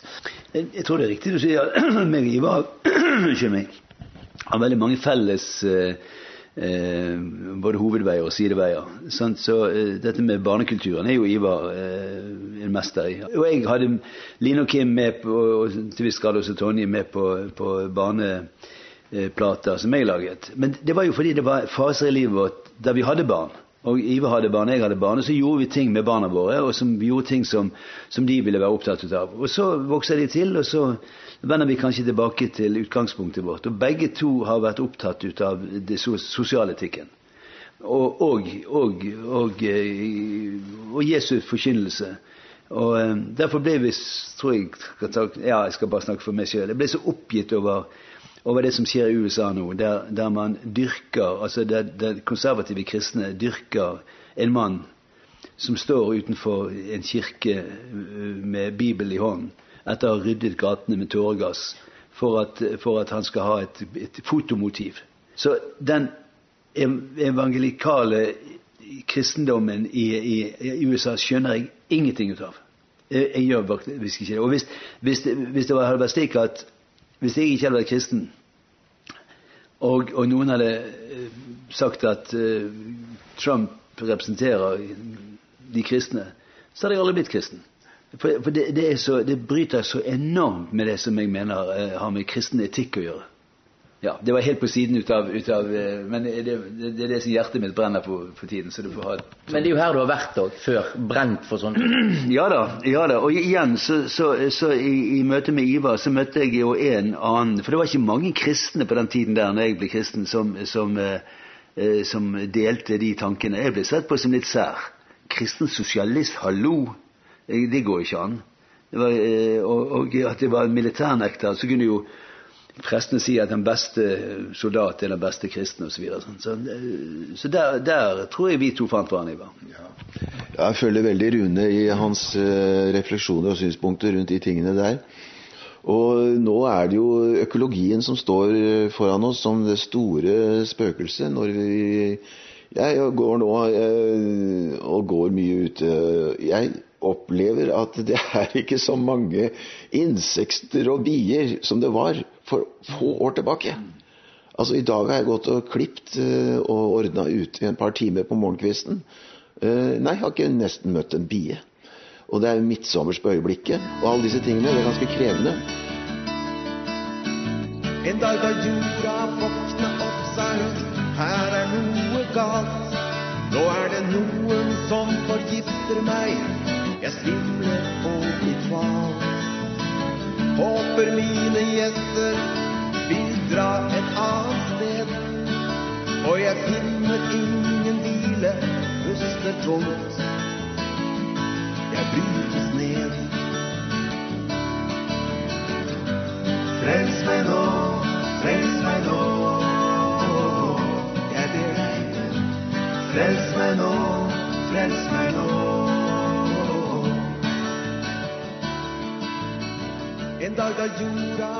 Altså, jeg er først og fremst et menneske. Og dernest så er jeg kristen. Uh, og hadde jeg vokst opp i Asia eller noe sånt, med tilsvarende kjærlige foreldre som jeg har hatt her, så hadde jeg sikkert vært en eh, buddhist eller en hindu eller noe annet, for jeg er et religiøst søkende menneske. Men jeg er utrolig glad for at jeg vokste opp her og sett den kristne tro som jeg syns overgår alt hva jeg kan tenke av mulige livssynssaker. Det at jeg først og fremst er et menneske, det er at alt det menneskelige er hos meg, på godt og ondt. Og så er jeg kristen, og så prøver jeg å justere all min menneskelighet på det gode og det onde i forhold til det etiske og den inspirasjonen jeg får hos Jesus Kristus. Sånn rusler jeg av gårde gjennom livet. Jeg det jeg brenner for litt i dag, det er, jo, det kanskje takket være min søster, som har engasjert seg skikkelig i eh, Stefanusalliansen. Altså at, eh, og jeg, jeg, utfordrer jo kristne når jeg er på møter og sånt, og sier at tenk hvis de kristne i Norge hadde vist like stort engasjement for de forfulgte kristne som de gjør for Israel. Tenk om, eh, tenk om de kristne palestinerne f.eks. kunne føle at, at, de hadde bror og søstre i Norge som, som, eh, som så til dem, og som skjønte at de var skviset mellom radikale muslimer og radikale jøder. Så jeg, jeg føler vel at, at eh, man sier at Israel er Guds folk. Det er vel ikke noe til å tvile på. Men kirken er også Guds folk. Og i dag så er, er den kirken er forfulgt i mange, mange land. Og, eh, og, og jeg syns det er forsvinnende liten eh, oppmerksomhet rundt, rundt, det i forhold til den oppmerksomheten man har f.eks. på Israel. Jeg ønsker ikke å stille de to opp mot hverandre, men det er, det er veldig påtagelig, syns jeg. Dere, når dere begynte med å gi ut plater, så var jo ikke det sånn som i dag. Altså, det var vanskelig. Du skulle både ha flaks og talent. Hvordan, nå skal dere få fortelle hvordan den karrieren begynte. Nei, altså, jeg har jo alt å takke Rune for, jeg, på det greiene der. For at jeg lagde viser og protestviser. Og 'Herr general, jeg vil snakke litt med dem. Det gjelder en kamerat, min beste venn. Han har ikke kommet til alder og år, utkalt til tjeneste neste vår. Men de skjønner, han har fått en slik en merkelig idé. Han snakker kun om kjærlighet, liv og fred. Sånn gikk det av gårde. Protestviser i alle sjangre da på 70-tallet. Og så traff jeg jo Rune, og så sier Rune at Ivar, dette her må det bli plata. Og han hadde jo da platekontrakt, han var norgesmester i rock og greier. Så dette her Han kunne jo den bransjen. Han ordna for meg slik at jeg gjorde min første skive på Polygram, som det het. Med eh, Jonas Fjell med gitaren og Jonny Sereussen på bassen. Det var stas. Takk skal du ha, Rune. Og siden gikk balla det på seg. Min mor meldte meg på en talentkonkurranse eh, i, i forbindelse med TV. Og eh, så var alle distriktskontorene i Norge de skulle finne sin representant. Jeg, jeg ble valgt fra Bergen da, og, og sang på TV. Og det, det var, stor, det var stor stas i 1964 når det var på TV. Så jeg, jeg husker jeg etter, etter at programmet var sendt, så jeg gikk ut på gaten for at folk kunne, kunne få se på meg.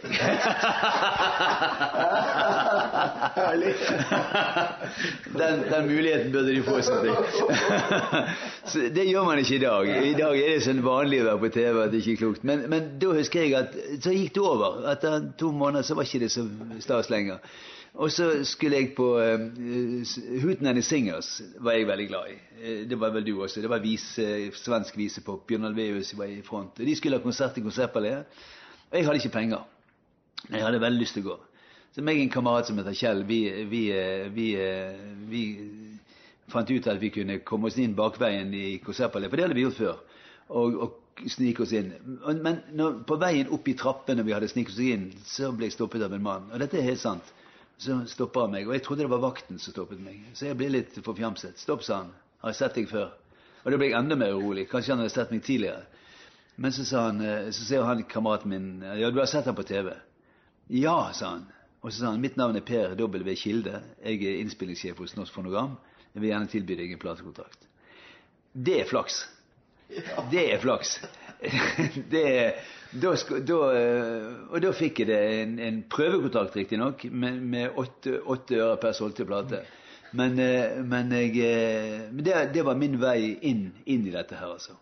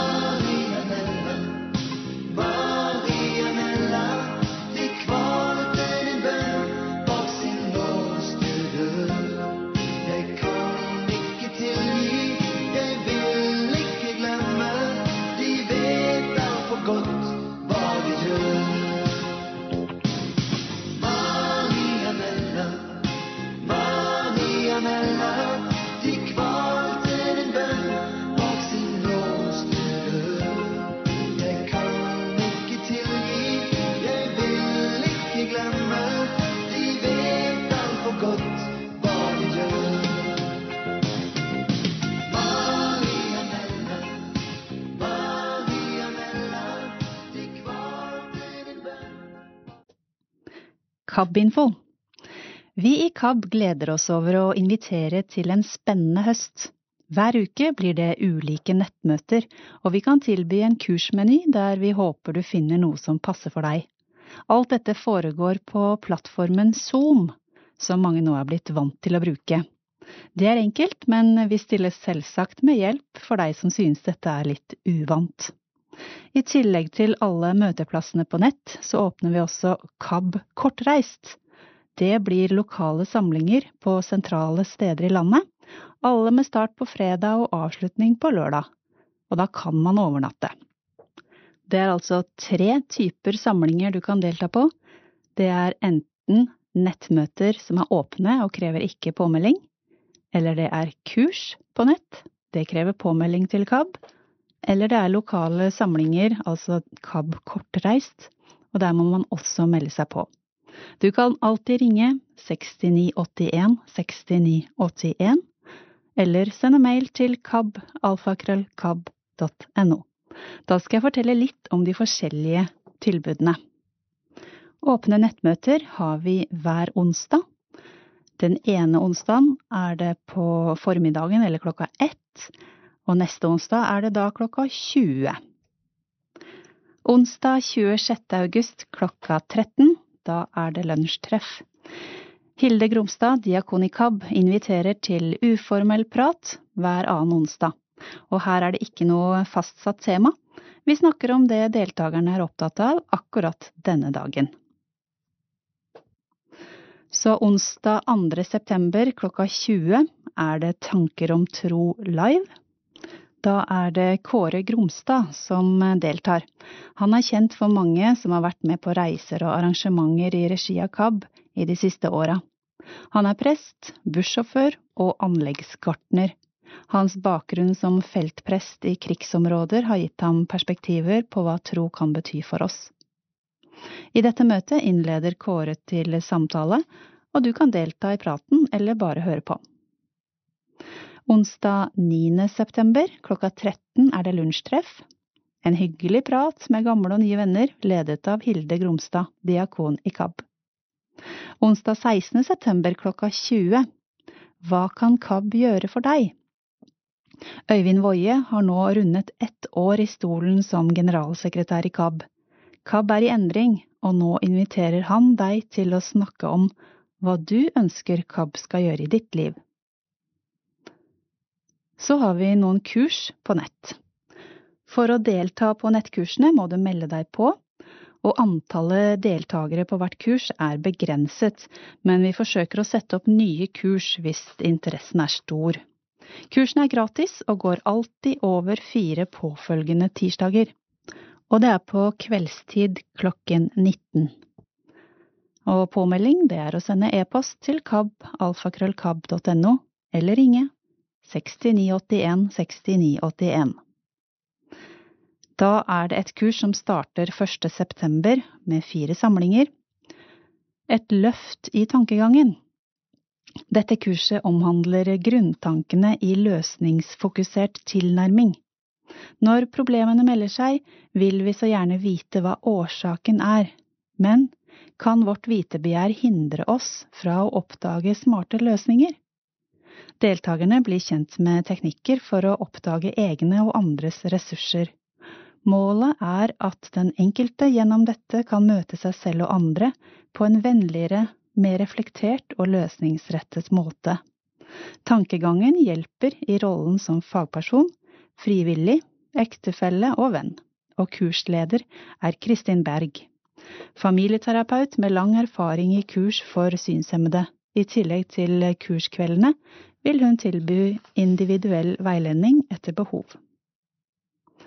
Så har vi et skrivekurs. Det starter tirsdag 29. september. Lær å skrive din egen selvbiografi eller kjernefortellinger fra ditt liv. For egen del eller for å formidle til slekt og venner. Kurset tar blant annet for seg hvordan man henter fram minner og reflekterer over dem. Skriveteknikk og språk. Deltakerne skriver og diskuterer et kapittel for hver samling. Det var altså fortellingen om ditt liv.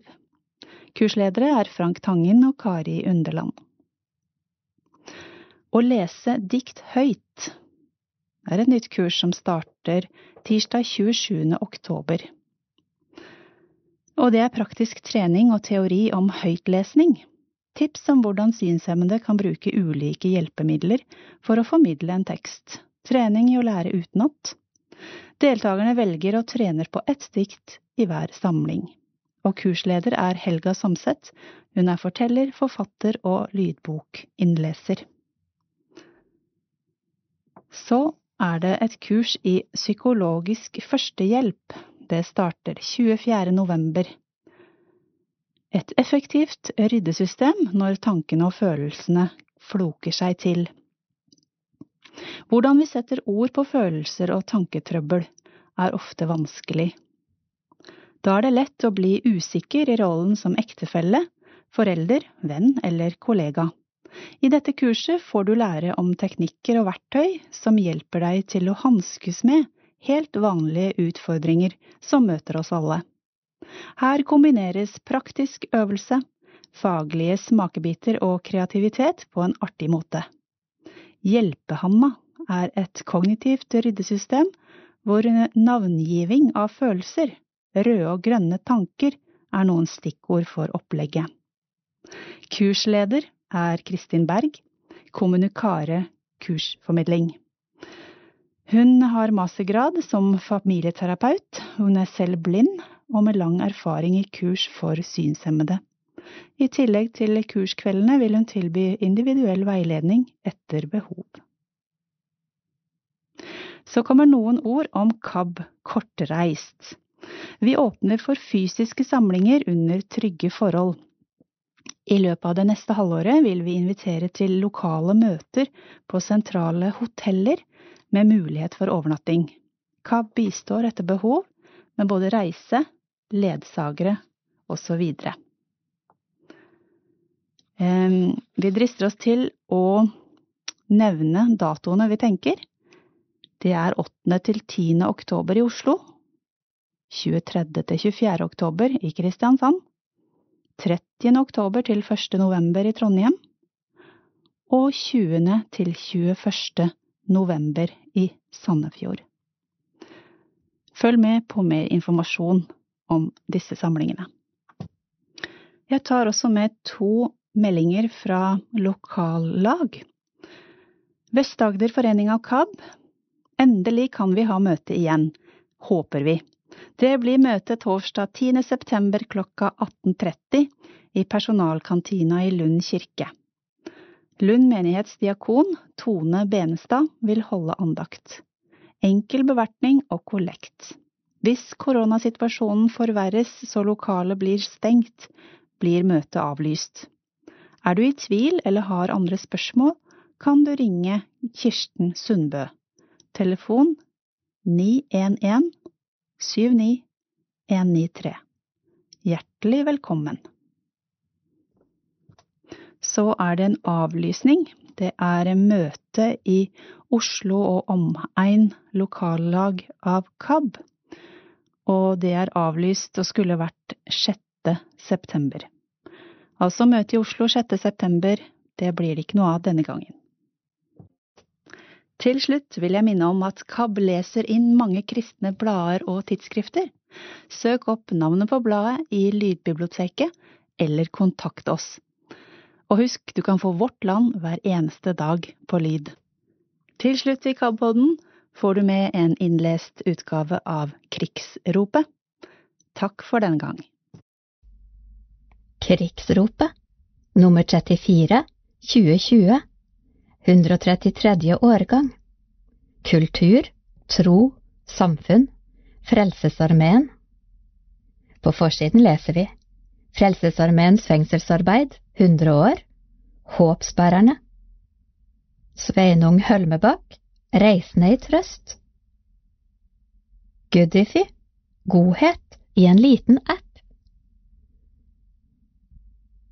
Others Håp i hvert sting Hva? Håndbroderte putetrekk for Others, Frelsesarmeens konsept for rettferdig handel. Hvor? I Others sin sommeråpne nettbutikk www.others.no. Hvorfor? Others skaper arbeidsplasser for kvinner, og produktene er basert på tradisjonelt håndverk. Putetrekkene broderes for hånd under gode arbeidsforhold og en rettferdig lønn, som blant annet gir mødrene mulighet for å betale skolepenger for barna sine. Økt kunnskap og utdannelse i familien er dermed med på å løfte generasjoner ut av fattigdom. Det gir håp for en bedre morgendag for hele familien. Visste du at med utgangspunkt i de store behovene koronaepidemien skaper, er Frelsesarmeens nødhjelpsarbeid i full gang i både Bangladesh og Kenya. Others deltar aktivt i arbeidet. Reisende i trøst Han har arvet både musikalitet og komisk talent, Sveinung Hølmebakk, men når han kaller den siste plata for arvesang, handler det om så mye mer. Tekst Ingebjørg M. Lyster Fakta Sveinung Hølmebakk, 43, er kjent for det norske folk som sangforfatter og for sin tolkning av gamle sanger og salmer. Som medlem av sanggruppa Nordic Tenors mottok han Komiprisen i 2006 og ble nominert på nytt i 2010. Sveinung Hølmebakk har gitt ut elleve soloalbum og spilt utallige konserter i kirker og kulturhus. Sangene representerer min musikalske og åndelige arv, forklarer Sveinung. Han forteller om en bestemor som spilte mandolin og sang, og en bestefar som levde i romerbrevet og hvisket Jesus flere ganger i løpet av dagen. Sveinung vokste opp på Karmøy, i en familie som tilhørte Den frie evangeliske forsamling, et kirkesamfunn med et helt spesielt forhold til musikk. Skibolett. Sveinung uttaler dette merkelige navnet med kjærlighet og varme, og blir tydelig glad når han får opp mulighet til å fortelle om sangboka som preget oppveksten hans. Ditt åndelige ståsted finner du i den sangboka. Han som starta De frie venner, som kirkesamfunnet blir kalt, skrev aldri et teologisk manifest. Nei, Erik Andersen Nordkvelde ga ut en sangbok, og den ble revidert hvert år. Vil du vite hva De frie venner står for, så skal du lese Skibolett, sier Sveinung. Tekstene han vokste opp med, var ofte varianter av kjente tekster. Troen hans ble sterkt preget av disse tekstene som formidlet en stor trygghet i forholdet til Gud.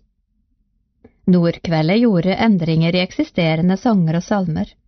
Tenk på å klippe du som brast for meg. De fleste synger fremdeles La meg skjule meg i deg. Nordkveldet endret dette til Jeg er evig gjemt i deg.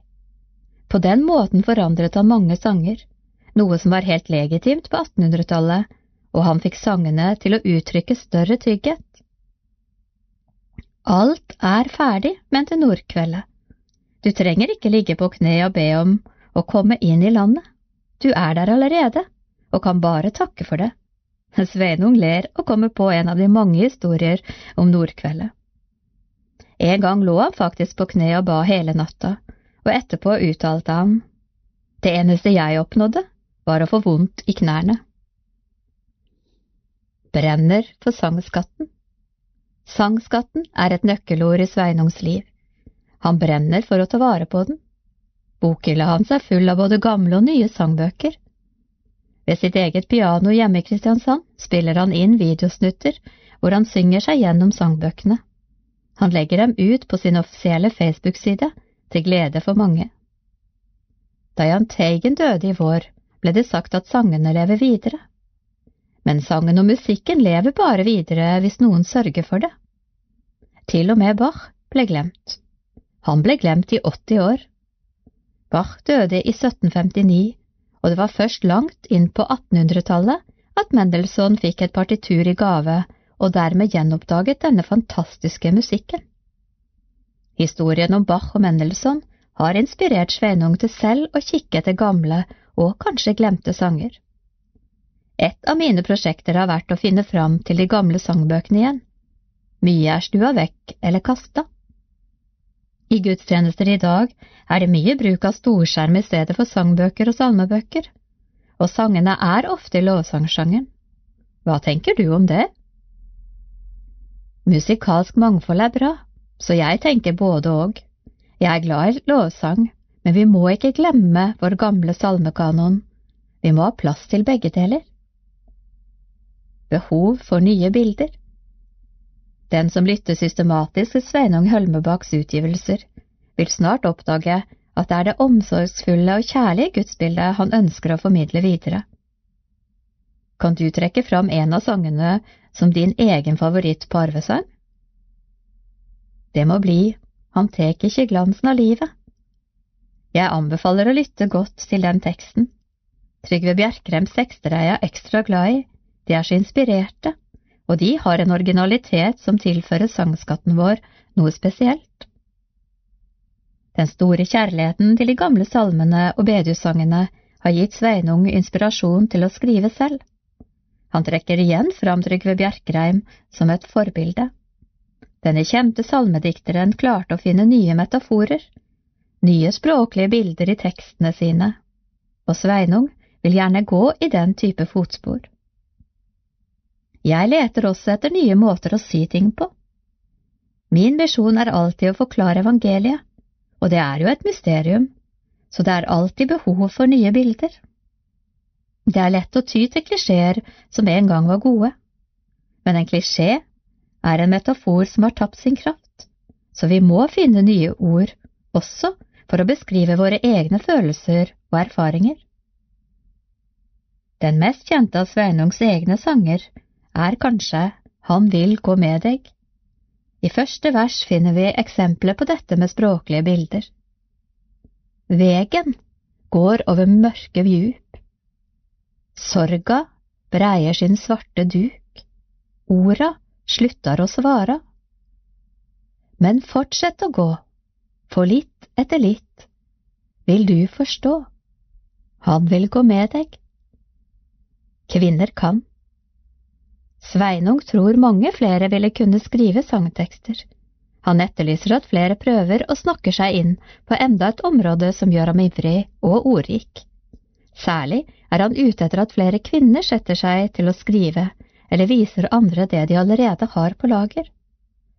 Mange flere kan skrive enn de som gjør det, og det er sikkert mange som skriver ting de aldri viser til noen. Det er veldig synd. De må finne en de stoler på, som de kan vise det til, og så må de tåle å få tilbakemelding på det de har gjort. Da kan vi få mange flere gode sanger, ikke minst fra kvinnelige sangforfattere. Mener du at det er flere menn som skriver sanger? Ja visst, bare bla gjennom sangbøkene og se. Men er ikke det merkelig? Å skrive poetisk er å sette ord på følelser, og tradisjonelt er det vel ikke menn som er kjent for å være best på det? Nei, men det er nok ikke den gjengse mannen som skriver heller. Det er de som gir rom for følelsene sine. Jeg må få si en ting til, og det er at flere må begynne å framføre sine egne ting. Og det gjelder også spesielt kvinner, sier Sveinung, og etterlyser i samme slengen flere kvinnelige lovsangsledere i menighetene. Latteren på lur En konsert med Sveinung Hølmebakk er gjerne en blanding av rungende latter, frysninger på ryggen og blanke øyne blant publikum. Fløtetenoren har gitt ut flere vitsebøker og treffer sitt publikum hjemme med mange historier fra bedehusland. Vinner av Komiprisen sammen med Nordic Tenors står faktisk på merittlisten.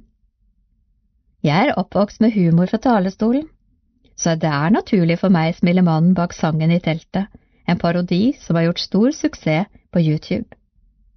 Den faller ikke i god jord hos alle, den parodien, men den er skrevet i kjærlighet til de gamle sangevangelistene.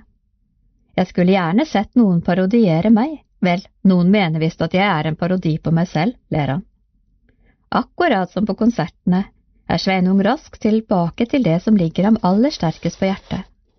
Stikkordene er trøst og håp. Troen er det aller viktigste for meg, sier han langsomt og alvorlig. Hadde jeg ikke hatt den, så… Jeg har levd i over 40 år, og jeg har vært på ville veier innimellom.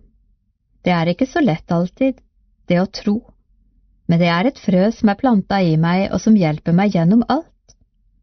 Vi blir skuffa så mange ganger gjennom livet.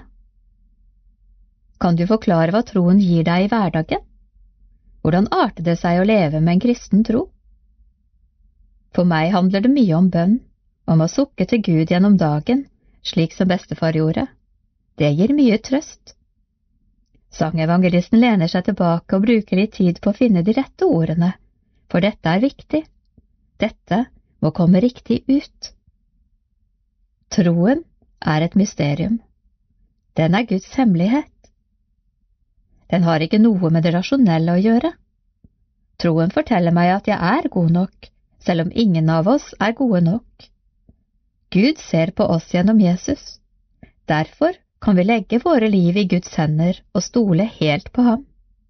Der ligger nøkkelen til å oppleve trøsten. Det sterke ønsket om å formidle trøst viste seg dagen etter at Norge nærmest ble stengt som følge av koronaviruset. Da kunne vi finne denne sangen på Facebook-siden til Sveinung Hølmebakk. Frykt ikke for i morgen, tenk ikke på i går. Herren forstår dine sorger, ser dine innste sår. For ham som gir mat i sporven, han vil også ta hand om deg. Og han som kan stille stormen, han vil vakta din vandringsveg. Aktuelt går for Frelsesarmeen. Bjørn Kristiansen fra Risør skal snart gå Sør-Norge på tvers. Det nyter Frelsesarmeen godt av. Tekst Frelsesarmeen 26. august gjør Bjørn Kristiansen drøm til virkelighet når han legger ut på en fottur fra Forsand i Rogaland til Risør i Agder. Han har beregnet å bruke rundt 14 dager på turen, som er på 230 km gjennom variert terreng. Det som driver ham, er først og fremst naturopplevelsen. Men når sekken begynner å bli tung, gnagsårene kommer og regnbyggene driver i hans retning, kan det være fint å ha noe ekstra å gå for. Bjørn bestemte seg for en spesiell motivasjonsfaktor. Han ville gå for Frelsesarmeen. Oppfordringen er at alle som følger ham på Facebook, sponser ham med én krone for hver kilometer han går. Hvor mye det kan bli, vil han ikke gjette på, men han håper turen kan inspirere andre til å gå nærturer i Norge, samtidig som de synes det er fint å støtte en god sak. Alle liker Frelsesarmeen, og i Risør opplever vi også at Frelsesarmeen er en organisasjon som det er lett å samarbeide med, sier Bjørn, som selv jobber som pastor i baptistmenigheten i sørlandsbyen. Ruta har han lagt til et område han selv har et nært forhold til. Besteforeldrene mine bodde i Forsand, og som liten sto jeg ofte og så opp mot fjellene og drømte meg bort. Siden den gang har det blitt mange turer. Han har gått i villmarka både i Norge og i Sverige, men aldri mer enn en uke. For meg er dette en lang tur. For Lars Monsen hadde det nok bare vært som en tur i parken, fleiper han. Ønsket om å nyte stillheten gjør at verken kona eller barna har fått tilbud om å være med, men helt alene er han ikke. Jeg har fått låne bikkja til tannlegen min, hun er veldig grei og turglad. Går alt etter planen, er han fremme i Risør 9. september. Den første natten har Bjørn mulighet til å overnatte i en av Turistforeningens hytter. Deretter blir det telt. Han har pakket proviant for noen dager og har tatt med fiskestang. Men om det ikke skulle bli napp, går det fint, forsikrer han, den turglade pastoren med en god latter. Jeg har plottet inn ruta så den går via noen jokerbutikker. Du kan følge turen til Bjørn og lese mer om innsamlingsaksjonen på Facebook https kolon dobbeltslash www.facebook.com slash b.t.chris parentes Bjørn legger ut info på FB-siden sin 25. august, parentes slutt. Her går turen, fra Forsand kommune ved innløpet til Lysefjorden, Øvre Espedal inn Indredalen og opp på fjellet. Deretter ned i Øvre Sirdal ved Hundedalen, over fjellet igjen til Ljosland, så til Bygland og videre til Øvre Ramse og Åmli. Siste del av turen går til myra i Vegårshei og så inn til torget i Risør. Turen er 230 kilometer. Leder Hilde Dagfinn Ruud Valen, sjefredaktør. Når ord blir menneske. Gjennom arbeidet vårt ønsker vi nettopp å være bærere av tro og håp, relevant og livsnært gjennom ord og handling. Jan E. Hansen, forfatter, journalist og tidligere kulturredaktør i Aftenposten, døde tidligere i år. Som spaltist var han ikke minst kjent for sin genuine evne til å reflektere dyptpløyende, gjenkjennelig og allment over de eksistensielle temaene i tilværelsen.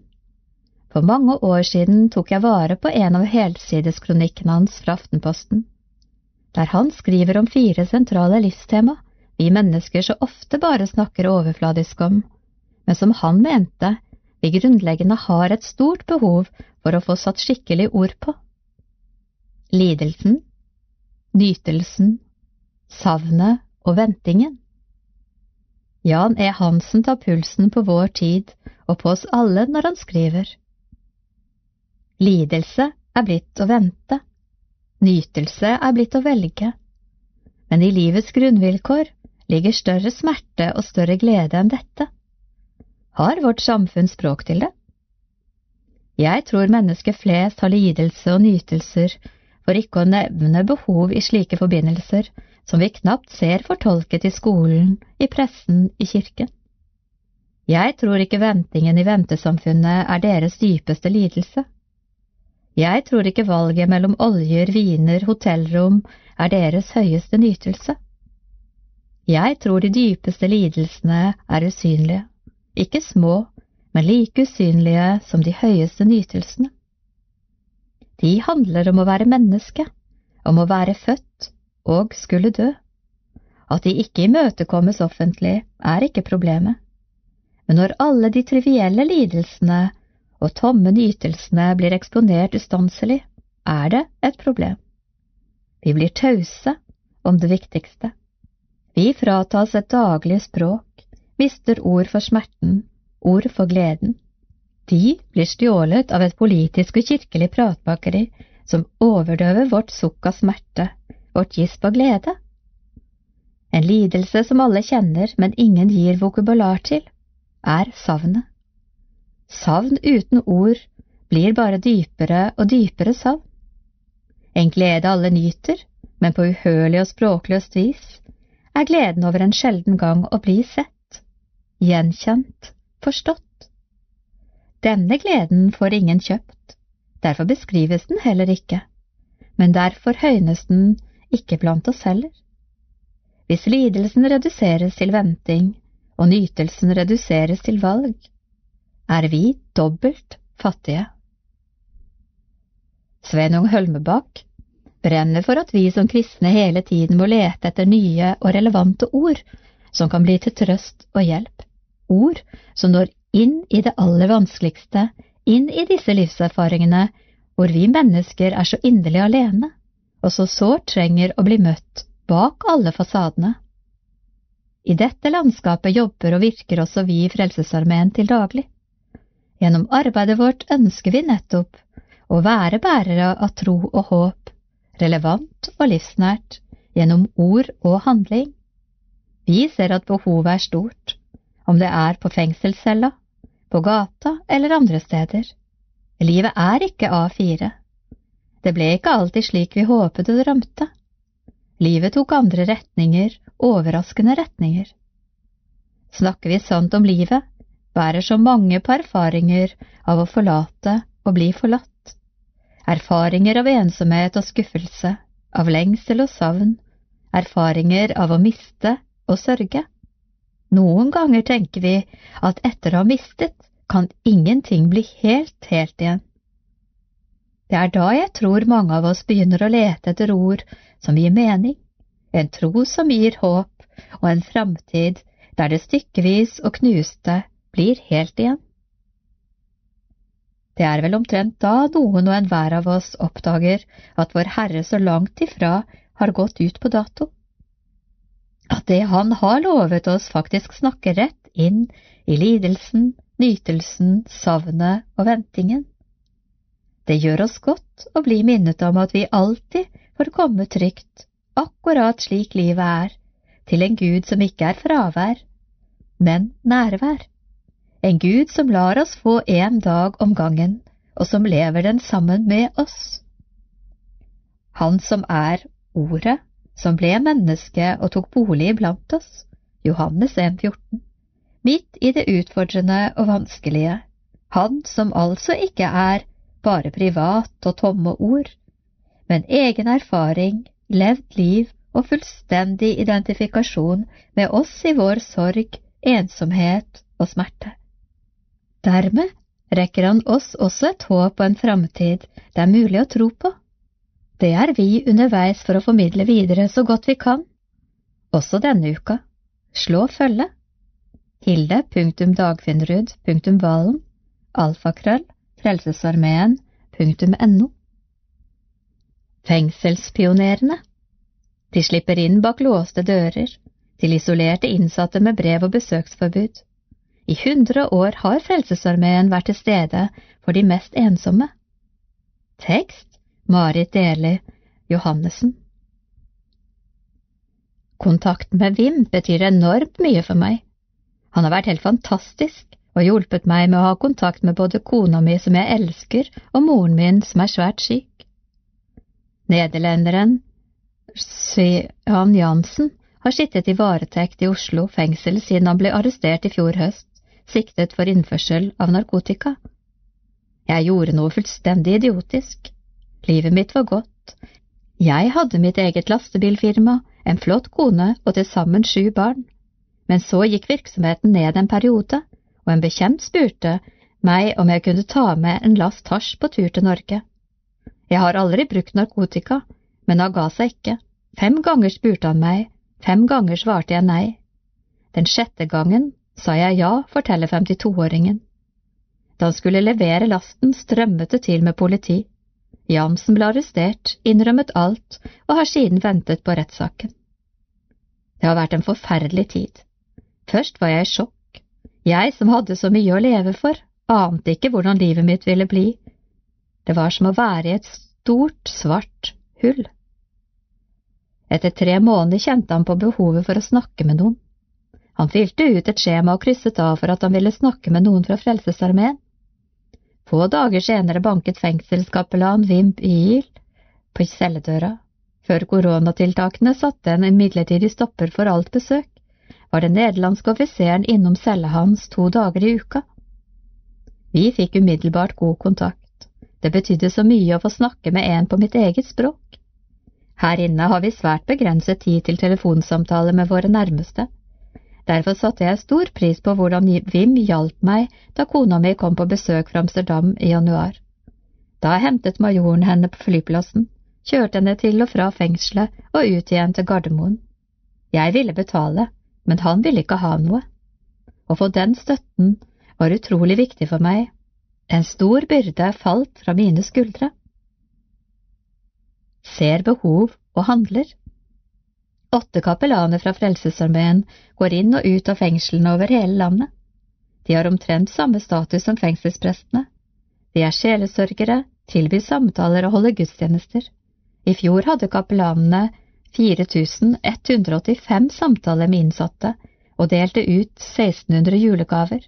Innenfor murene har de egne skap og nøkler, og de kan komme og gå som de vil. Flere sier vi er som et friskt pust, et medmenneske de kan snakke med.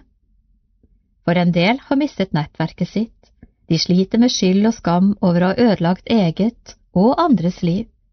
Det er tøffe tider, men vi er der og hjelper dem å overleve og peker på at det fremdeles er håp. Vi er en del av normaliteten av verden utenfor.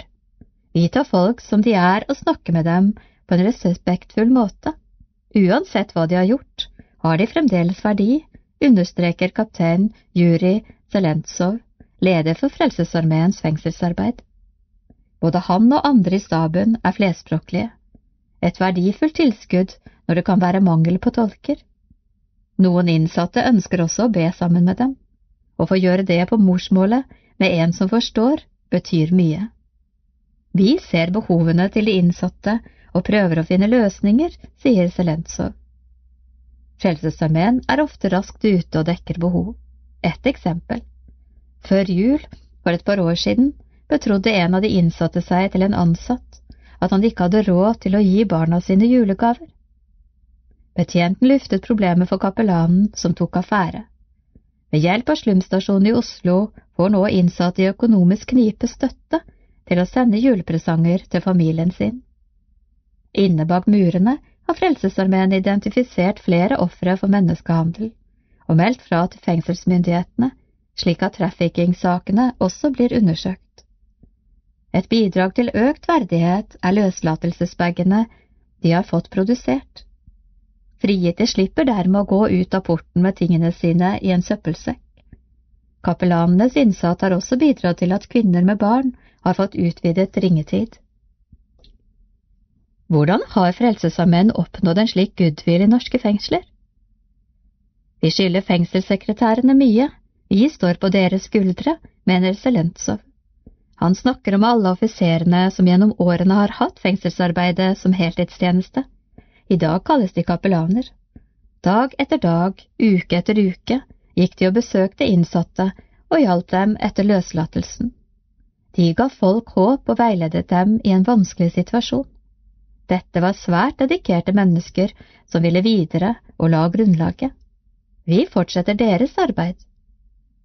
En legende i fengselsvesenet var major Alv Tollisen, som døde i fjor. I flere tiår besøkte han cellene og lyttet til langtidsfanger. Uansett hvilket fengsel vi besøker, er det alltid noen av de eldre innsatte som spør etter Tollisen. Han har hatt en enorm påvirkning. hjelpe de ulykkeligstillede. Også andre fengselssekretærer i Norge har satt spor. Noen drev pionerarbeid. Det begynte med Bernhard Hansen, som fikk slippe inn til fangene og holde gudstjenester. Det var noe nytt, at andre enn prestene kunne komme inn, sier forfatter og frelsessoldat Nils Petter Renstad. I den ferske boken Frelsesarmeens fengselsarbeid 100 år, som utgis av Frelsesarmeens historiske selskap nå i høst, ser han på fengselsarbeidet i et historisk perspektiv. Allerede i 1901 ga Justisdepartementet grønt lys for at Frelsesarmeen kunne besøke løslatelsesklare fanger i botsfengselet, for om mulig å kunne bistå dem med råd og dåd før løslatelsen. Det skulle gå 19 år før samme departement ga offiserer utvidet rom. I 1920 meldte krigsrådet at adjutant Bernhard Hansen, som har vist spesiell interesse for denne virksomhet, er nå beordret at oppta fengselsarbeidet og beder inderlig at denne nye virksomhet må bli mange av våre ulykkeligstillede brødre til hjelp velsignelse og frelse. I 14 år viste han og hele familien stor omsorg for innsatte og holdt åpent hus for løslatte. Martin Fagerli hadde ordren i tolv år og fikk kongens fortjenestemedalje i gull. Han sparket i gang prosessen med å få åpnet Håpets dør i 1946, sier Enstad og snakker om bondegården på Fettsund som fikk et nytt formål. Håpets dør skal, som en åpen sikringsinstitusjon, ha vært den første i sitt slag, ikke bare i Norge, men i hele Europa. Enstad trekker også fram innsatsen til de kvinnelige fengselssekretærene. På 1920-tallet delte Ida Mathisen sine erfaringer i boken Gløtt fra fangenes verden.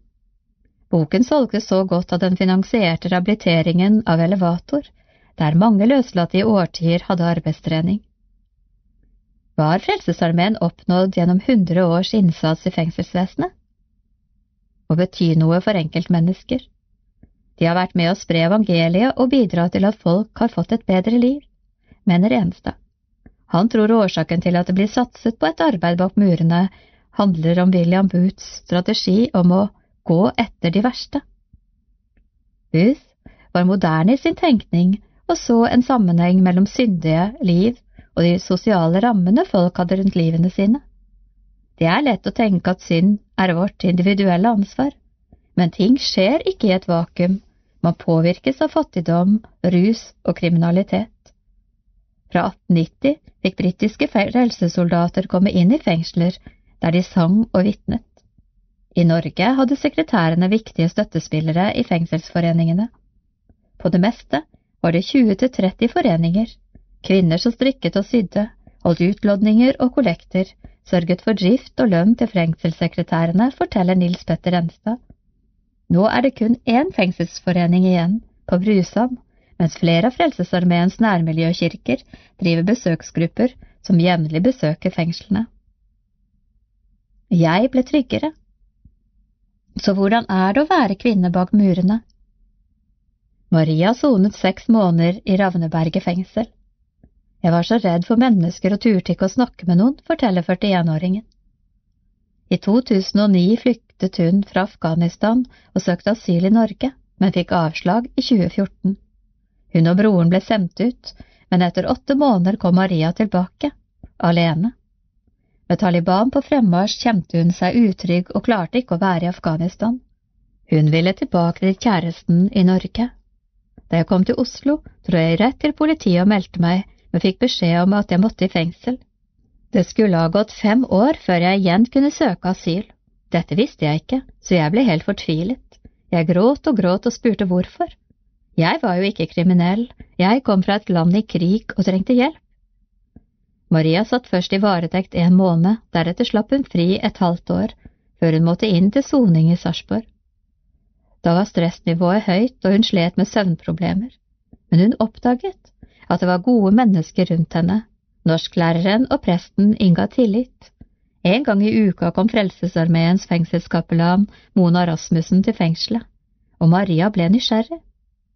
Jeg så at hun snakket med forskjellige folk, men jeg turte ikke prate med henne.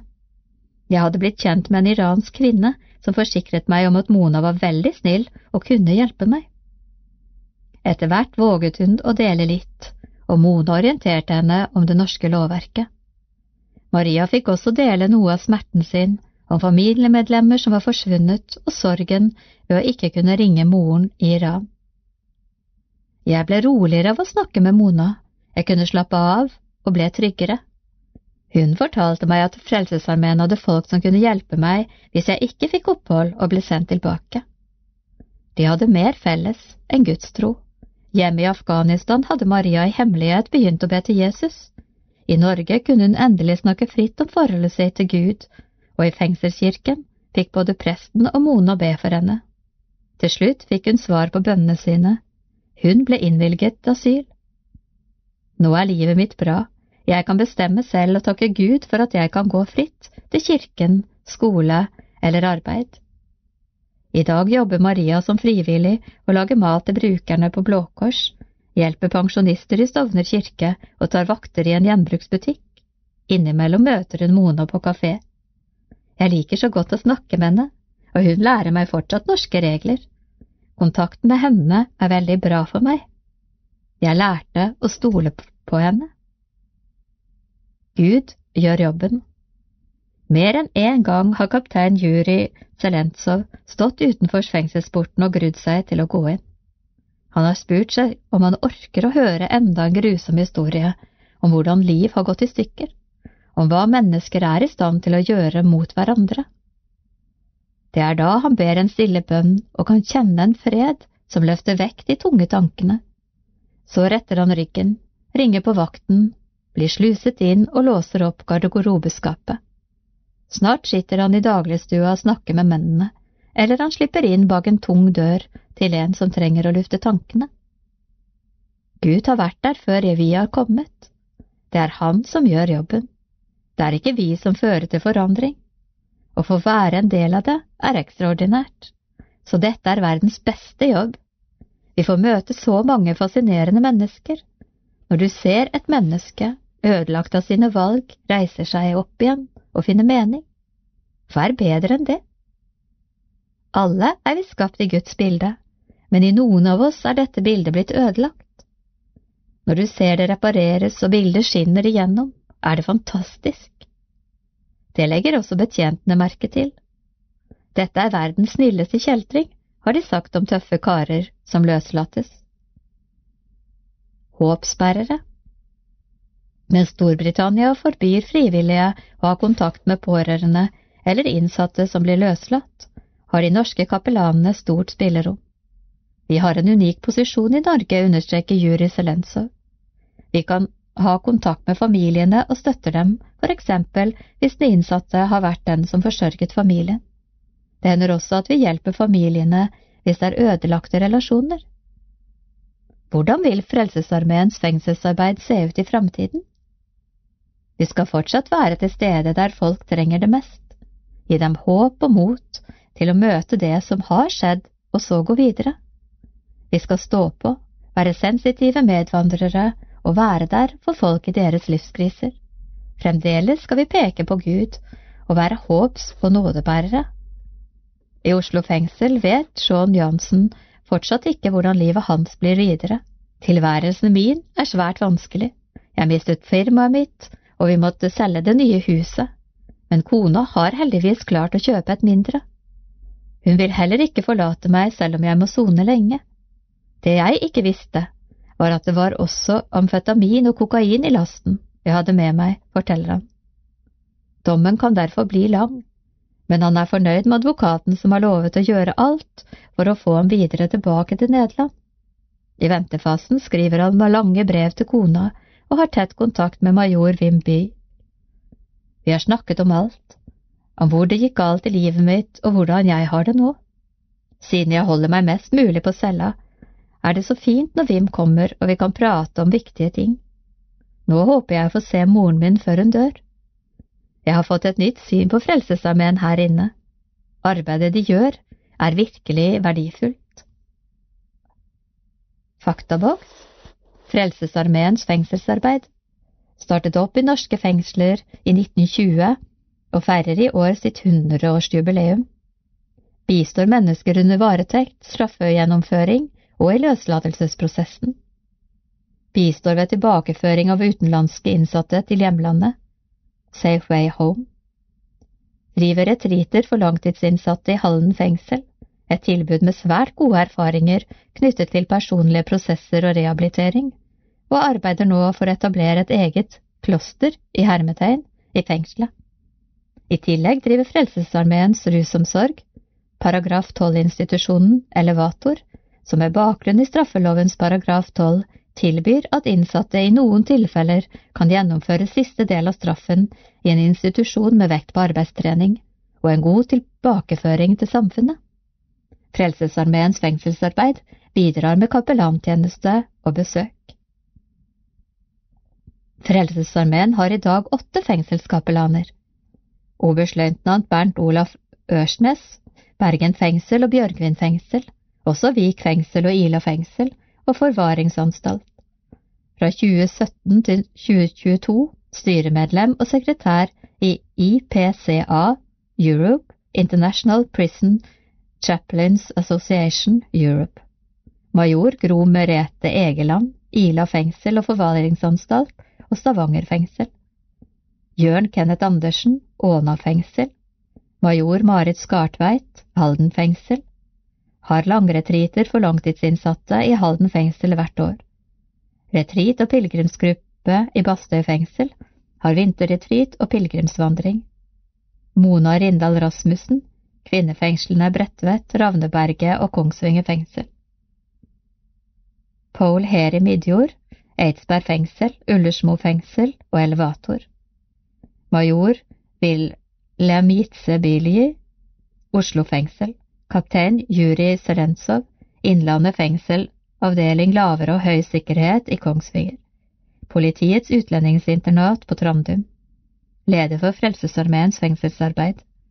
Leder for Safe Way Home-programmet, som handler om tilbakeføring og reintegrering av utenlandske innsatte som blir utvist fra Norge etter å ha sonet i norske fengsler. Godhet i en liten app. Mange frykter at et app-basert samfunn skal gjøre verden kaldere. På Sammen språkkafé har de funnet en app som sprer varme. Tekst Kenneth Juel Stavik. Det er mandag formiddag på Frelsesarmeen Sammen på Grønland. Lenge før åpningstid strømmer folk inn dørene for å sikre seg plass rundt bordene. Tre dager i måneden arrangeres Sammen språkkafé, noe som har vist seg å være et populært tilbud. I dag er imidlertid pågangen eksepsjonell, og det har sin naturlige forklaring. Gjennom frivillighetsappen Goodify har fem frivillige meldt seg for å hjelpe fremmedspråklige med utforming av CV og jobbsøknader, samt gi råd og veiledning til kommende jobbintervjurunder. Rommet fylles av velkommen, takk for sist, og går det bra? Når det nærmer seg åpningstid, er lokalet tilnærmet fullt, og mange har allerede fortært sin første vaffel. Så er dagens program i gang. Sammen medarbeider Heidi Kristine Jørgensen. Goodraid tar styringen, og de fremmøtte plasseres på bord ut ifra hvilke ønsker og behov de har denne dagen. Noen skal øve på norsk dagligtale, de samles rundt en versjon av stigespillet du ikke får kjøpt på butikken. Brikkenes plassering avgjør nemlig neste samtaleemne, noe som gjør at praten glir lett. Et godt tilbud Ved et fullt bord sitter Anders Kvernmo Langseth sammen med Patricia Gueiro fra Portugal. Gueiro kom til Norge for et par år siden. Det var vanskelig å få jobb i barnehage i hjemlandet, og hun hadde hørt at Norge kunne ha bruk for arbeidskraft på dette feltet. For få måneder siden fant hun et arrangement på Sammen språkkafé via Facebook. Jeg møtte opp, likte det og fortsatte å komme, forteller hun. Hun møter opp på språkkafé mandager og norskkurset på onsdager, og synes det er et godt tilbud. Det er fint å ha et sted hvor man kan øve på språket, og dette er en velorganisert språkkafé, skryter hun. Hun har tidligere fått hjelp til utforming av både jobbsøknader og CV. Før jul bidro hun som frivillig selv, både ved julegryta og på babysangen.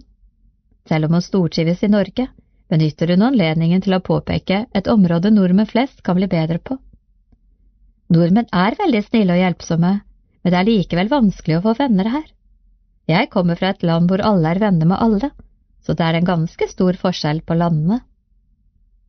Allsidig hjelp Anders Kvernmo Langseth meldte seg som frivillig via Goodify-appen. Jeg oppdaget appen for et år siden, og prøver å stille opp som frivillig når jeg har mulighet, sier Langseth, som er utdannet lærer, men for tiden arbeider som utdanningspolitisk rådgiver for Arbeiderpartiet. Han tar på seg forskjellige oppdrag, alt fra å møte noen til en kaffe til å kunne gi en hjelpende hånd i julestria. I dag ble det jobbintervjutrening. Jeg har intervjuet en del folk i jobbsammenheng, og da er det fint å kunne bidra med å hjelpe dem som prøver å komme inn på arbeidsmarkedet. Han mener at det fine med Goodify er at man kan melde seg når man har ledig tid, noe som passer godt i en travel hverdag. Jeg kunne aldri sittet her hver uke fra 12 til 14, men det funker iblant. Dette er første gang han stiller opp på Sammen, og han føler at han får noe tilbake for innsatsen. Du ser jo på menneskene som er her, at de er veldig takknemlige for å få hjelp og bli lyttet til. Det er jo helt vanlige folk som bare trenger litt hjelp til å komme i gang. Gjør det lettere å hjelpe. En annen som har kommet til sammen på Grønland denne dagen, er Arnfinn Madsen. Han jobber i rekrutteringsfirmaet Avantgarde, et firma som faktisk har hatt en rolle i Goodify-appens utvikling. Vi har rekruttert de som har lagd firmaløsningen i appen, sier han, og forteller at de selv bruker den.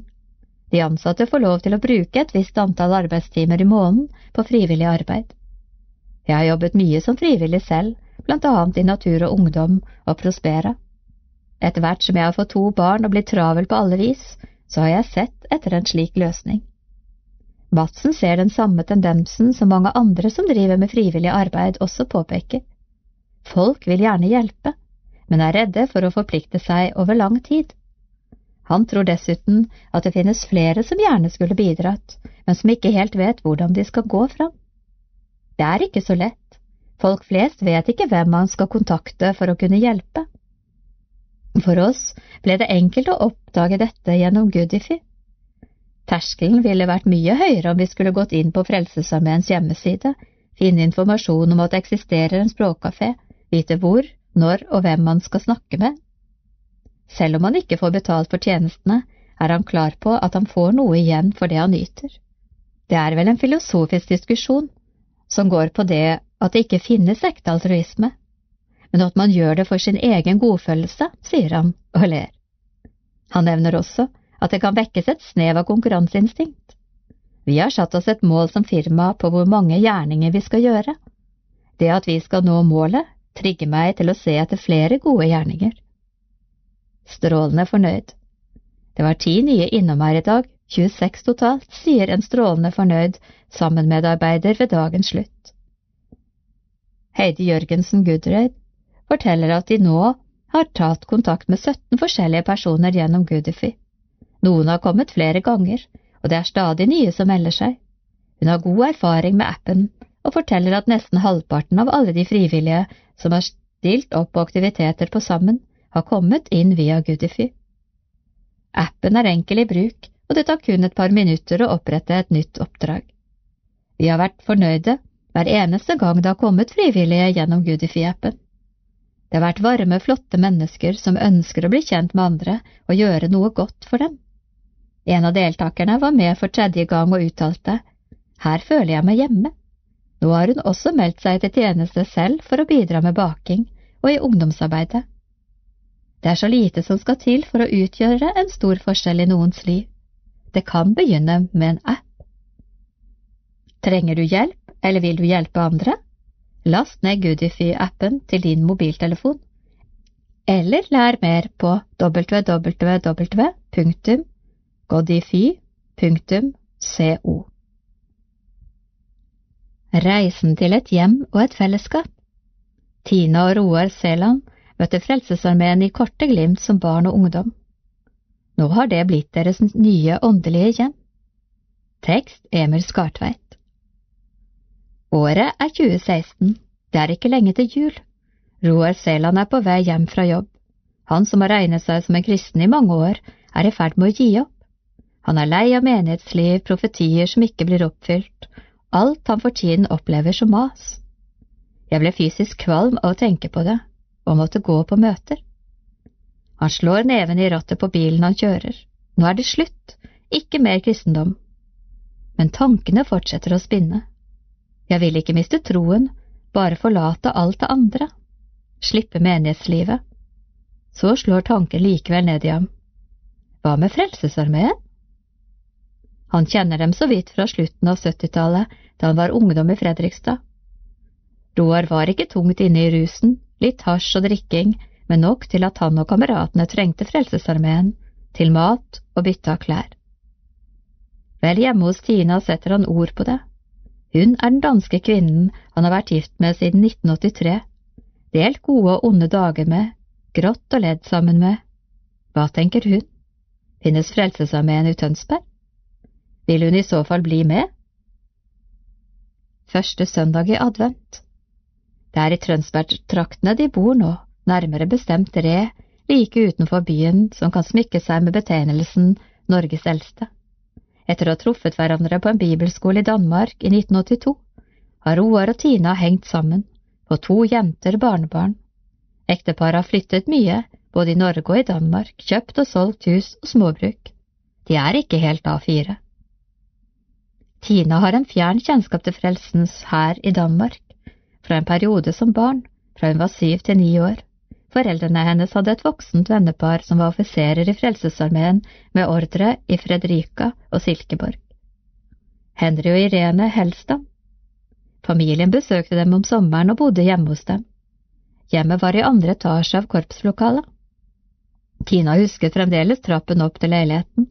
Den var full av sekker med klær som skulle deles ut, og hun husker at moren og faren hennes sang på friluftsmøtene. Tina slår opp på internett. Hun finner Frelsesarmeen i Tønsberg, ikke langt fra Re. Første søndag i advent dukker de opp på sitt første møte. Roar husker opplevelsen godt. Linda Saltnes, som var korpsleder den gangen, sto i døra og tok imot oss. Vi hadde parkert feil, kunne hun fortelle. Vi hadde parkert et sted hvor det kostet penger, mens korpset hadde gratis parkering bak lokalet. Det var noe godt med Linda. Tina opplevde det samme. Det var ikke så mange på møtene i Tønsberg, men det var veldig fint å komme dit. Vi ble tatt godt imot. Jeg fikk den gode følelsen. Her vil jeg være. Roar forklarer. Det var ikke så mye negativt snakk om det ene eller det andre. Han er ikke i tvil. Frelsesarmeen i Tønsberg gjorde det slik at troslivet vårt snudde. Vi begynte å gå regelmessig på møtene, mye oftere enn på lenge. Det var godt å kunne gå på møter sammen. Hjemforbund og fotball. Men det er ikke lenge Frelsesarmeen i Tønsberg kan glede seg over sine nye møtebesøkende. De to har bestemt seg for å flytte til Fredrikstad etter å ha bodd på Re siden 2008. I mai 2017 kjøper de en gammel enebolig på Onsøy, like utenfor byen, så typisk for dem, ikke et striglet rekkehus. Ekteparet Seland passer ikke i en rekke. De trenger rom og luft rundt seg. Nå får de et hus fra 1923. Vinduene er originale og trekkfulle.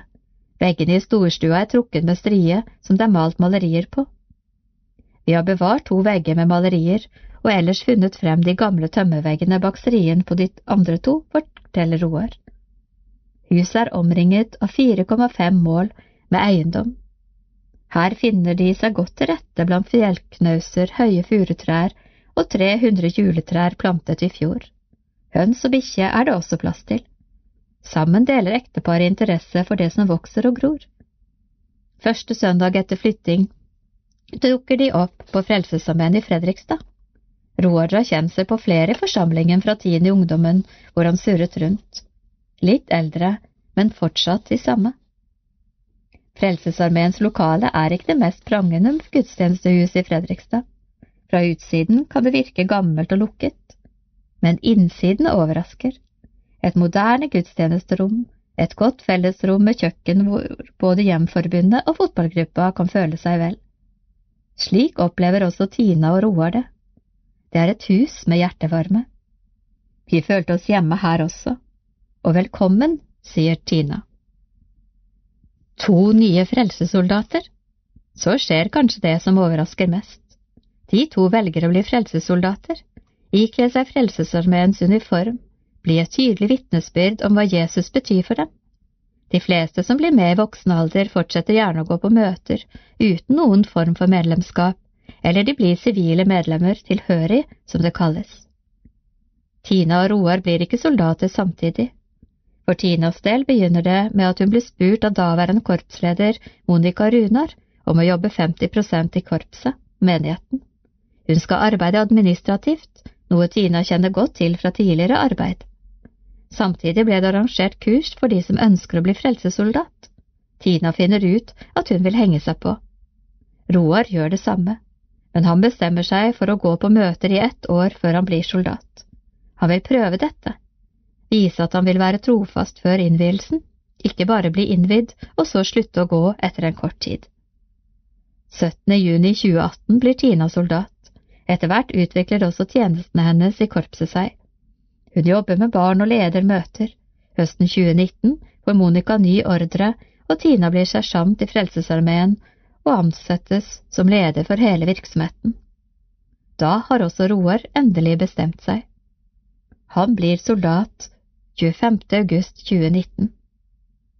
Matservering og duettsang Når denne artikkelen leses, er det kommet enda en leder til korpset, Nærmiljøkirken, noe Tina har ventet på. Nå er de to som jobber side om side.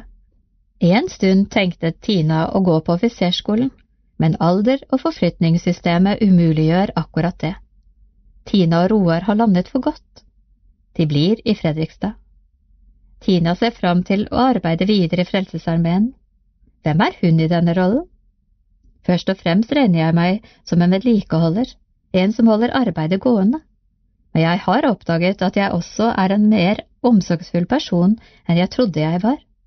Tina brenner for hyrdefunksjonen, for å få ting til å fungere slik at alle finner sin plass. Jeg ønsker å trekke mennesker til vårt arbeid, få dem til å bli aktive, være en aktiv del av korpset. Jeg ønsker å se folk, ta vare på dem. Tina er ikke, forsikrer hun, typen som finner på sprell. Roar, som noen år har kjørt ekspressbuss og som nå jobber som bussmekaniker i Vy, har også funnet sin plass. Med fagbrev som mekaniker har jeg god kompetanse til å ivareta omsorgen for korpsets bil, og jeg hjelper også til med å hente mat hos de som støtter oss i forbindelse med matutdeling, samt bistår med litt praktisk på lokalet. Men Roar bidrar også åndelig. Han er med i sanggruppa, spiller og synger og innleder på møter endelig hjemme. Om noen få år har Tina og Roar holdt sammen i 40 år, en lang reise med svinger og bakker både opp og ned. De har slåss for ekteskapet, for kjærligheten. Det har ikke alltid vært like enkelt. I 1998, etter mange år i Norge, dro de tilbake til bibelskolen i Danmark. Målet var å berge ekteskapet. Vi måtte gjøre noe annet, se om vi kunne redde stumpene, sier Tina. De skulle prøve å gjenfinne det de så hos hverandre da de møttes på den samme skolen i 1982. Hun som var så sjarmerende, og han som var litt rampete. Men dette året på bibelskolen ble krevende. Medelever tett på, internattilværelse og to tenåringsdøtre. Det ble et år hvor de prøvde å få hverdagen til å gå. Etter skoleåret ble familien boende i Danmark. Tiden gikk, det skjedde ingen under, ikke noe oppsiktsvekkende, men gjennom hverdagens små og store gjøremål oppdaget de en dag at ingen av dem ønsket å leve resten av livet uten den andre. Så sitter de to i dag i Fredrikstad i sine Frelsesarmé-uniformer. Med sin livserfaring ønsker de å være en liten, men tydelig brikke i en stor oppgave – å vise mennesker veien til Kristus. Søndag ukets andakt Ukens spaltist Marit Byhre Myklebust Løfte om Guds nærvær Guds nærvær er ikke knytt til en by eller et gudshus. Historia om Gud og folket hans er ikke slutt. Ellevte søndag i treenighetstiden Denne teksten leses i kirker over hele landet denne søndagen. Jerusalem, Jerusalem du som slår profetene i hjel og steiner dem som er sendt til deg? Hvor ofte ville jeg ikke samle barna dine som en høne samler kyllingene under vingene sine. Men dere ville ikke. Så hør! Huset deres blir forlatt og legges øde. For jeg sier dere, fra nå av skal dere ikke se meg før dere sier, Velsignet er Han som kommer i Herrens navn. Matteus 23, 37–39 Bibel 2011 Det norske bibelselskap Matteus begynner fortellinga si med å skrive ned ettertavlast til Jesus Kristus, Davids sønn og Abrahams sønn. Denne åpninga syner oss med en gang særpreget til Matteus. Han er spesielt opptatt av det jødiske folkets historie og skrifter. Dette er krybba Gud vart lagt i. Her finner vi løfta og vona, men også fortellinger om et utvalgt folk som fer vill, og som må kalles til omvending. Teksten vår i dag er kort, men strekker seg både bakover og framover i historia. Vi ser en fortvila Gud som klager over Jerusalem og over avvisinga av det ene etter det andre av Guds sendebod. Men profeten sitt klarsyn har han tatt det ene etter det andre oppgjøret med den religiøse praksisen knytt til tempelet. Han forkynner omvending og dom.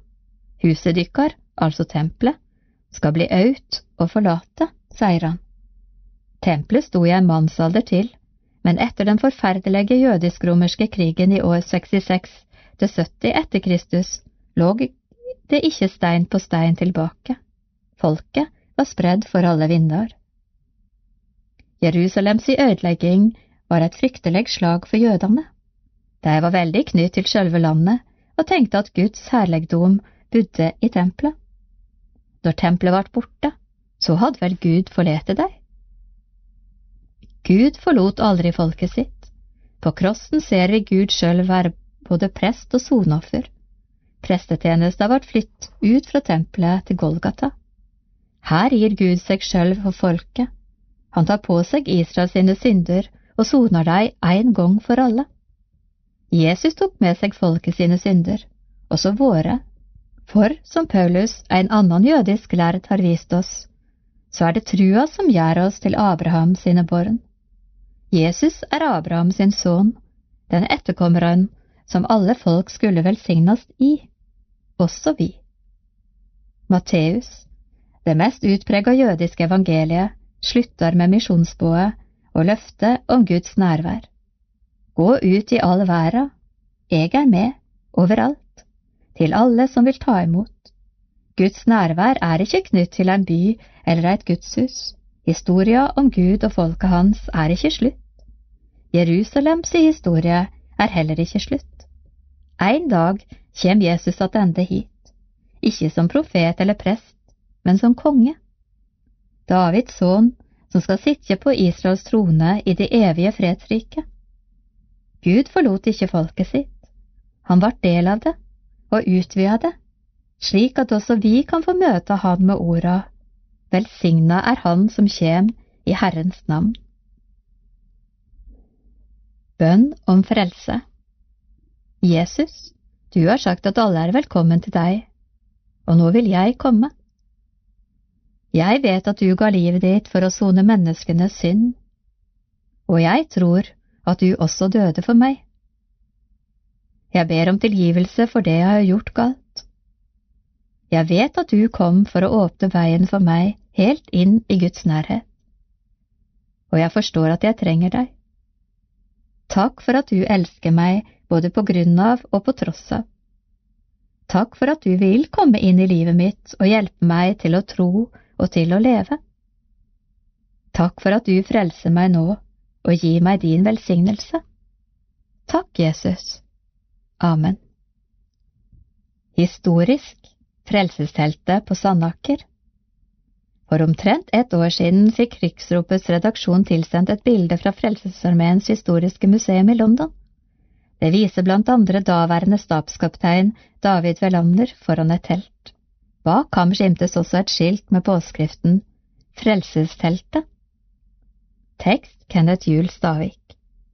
På begynnelsen av 1900-tallet så de nordlige områdene av Oslo ganske annerledes ut enn i dag. David Velander beskrev det slik i krigsropet i 1931. Når man for et par tiår siden fra De daværende ytre bydeler Grünerløkken og Rodeløkken drog nordover til Torshov, Åsen og Sandaker, var det nesten som å dra på landtur.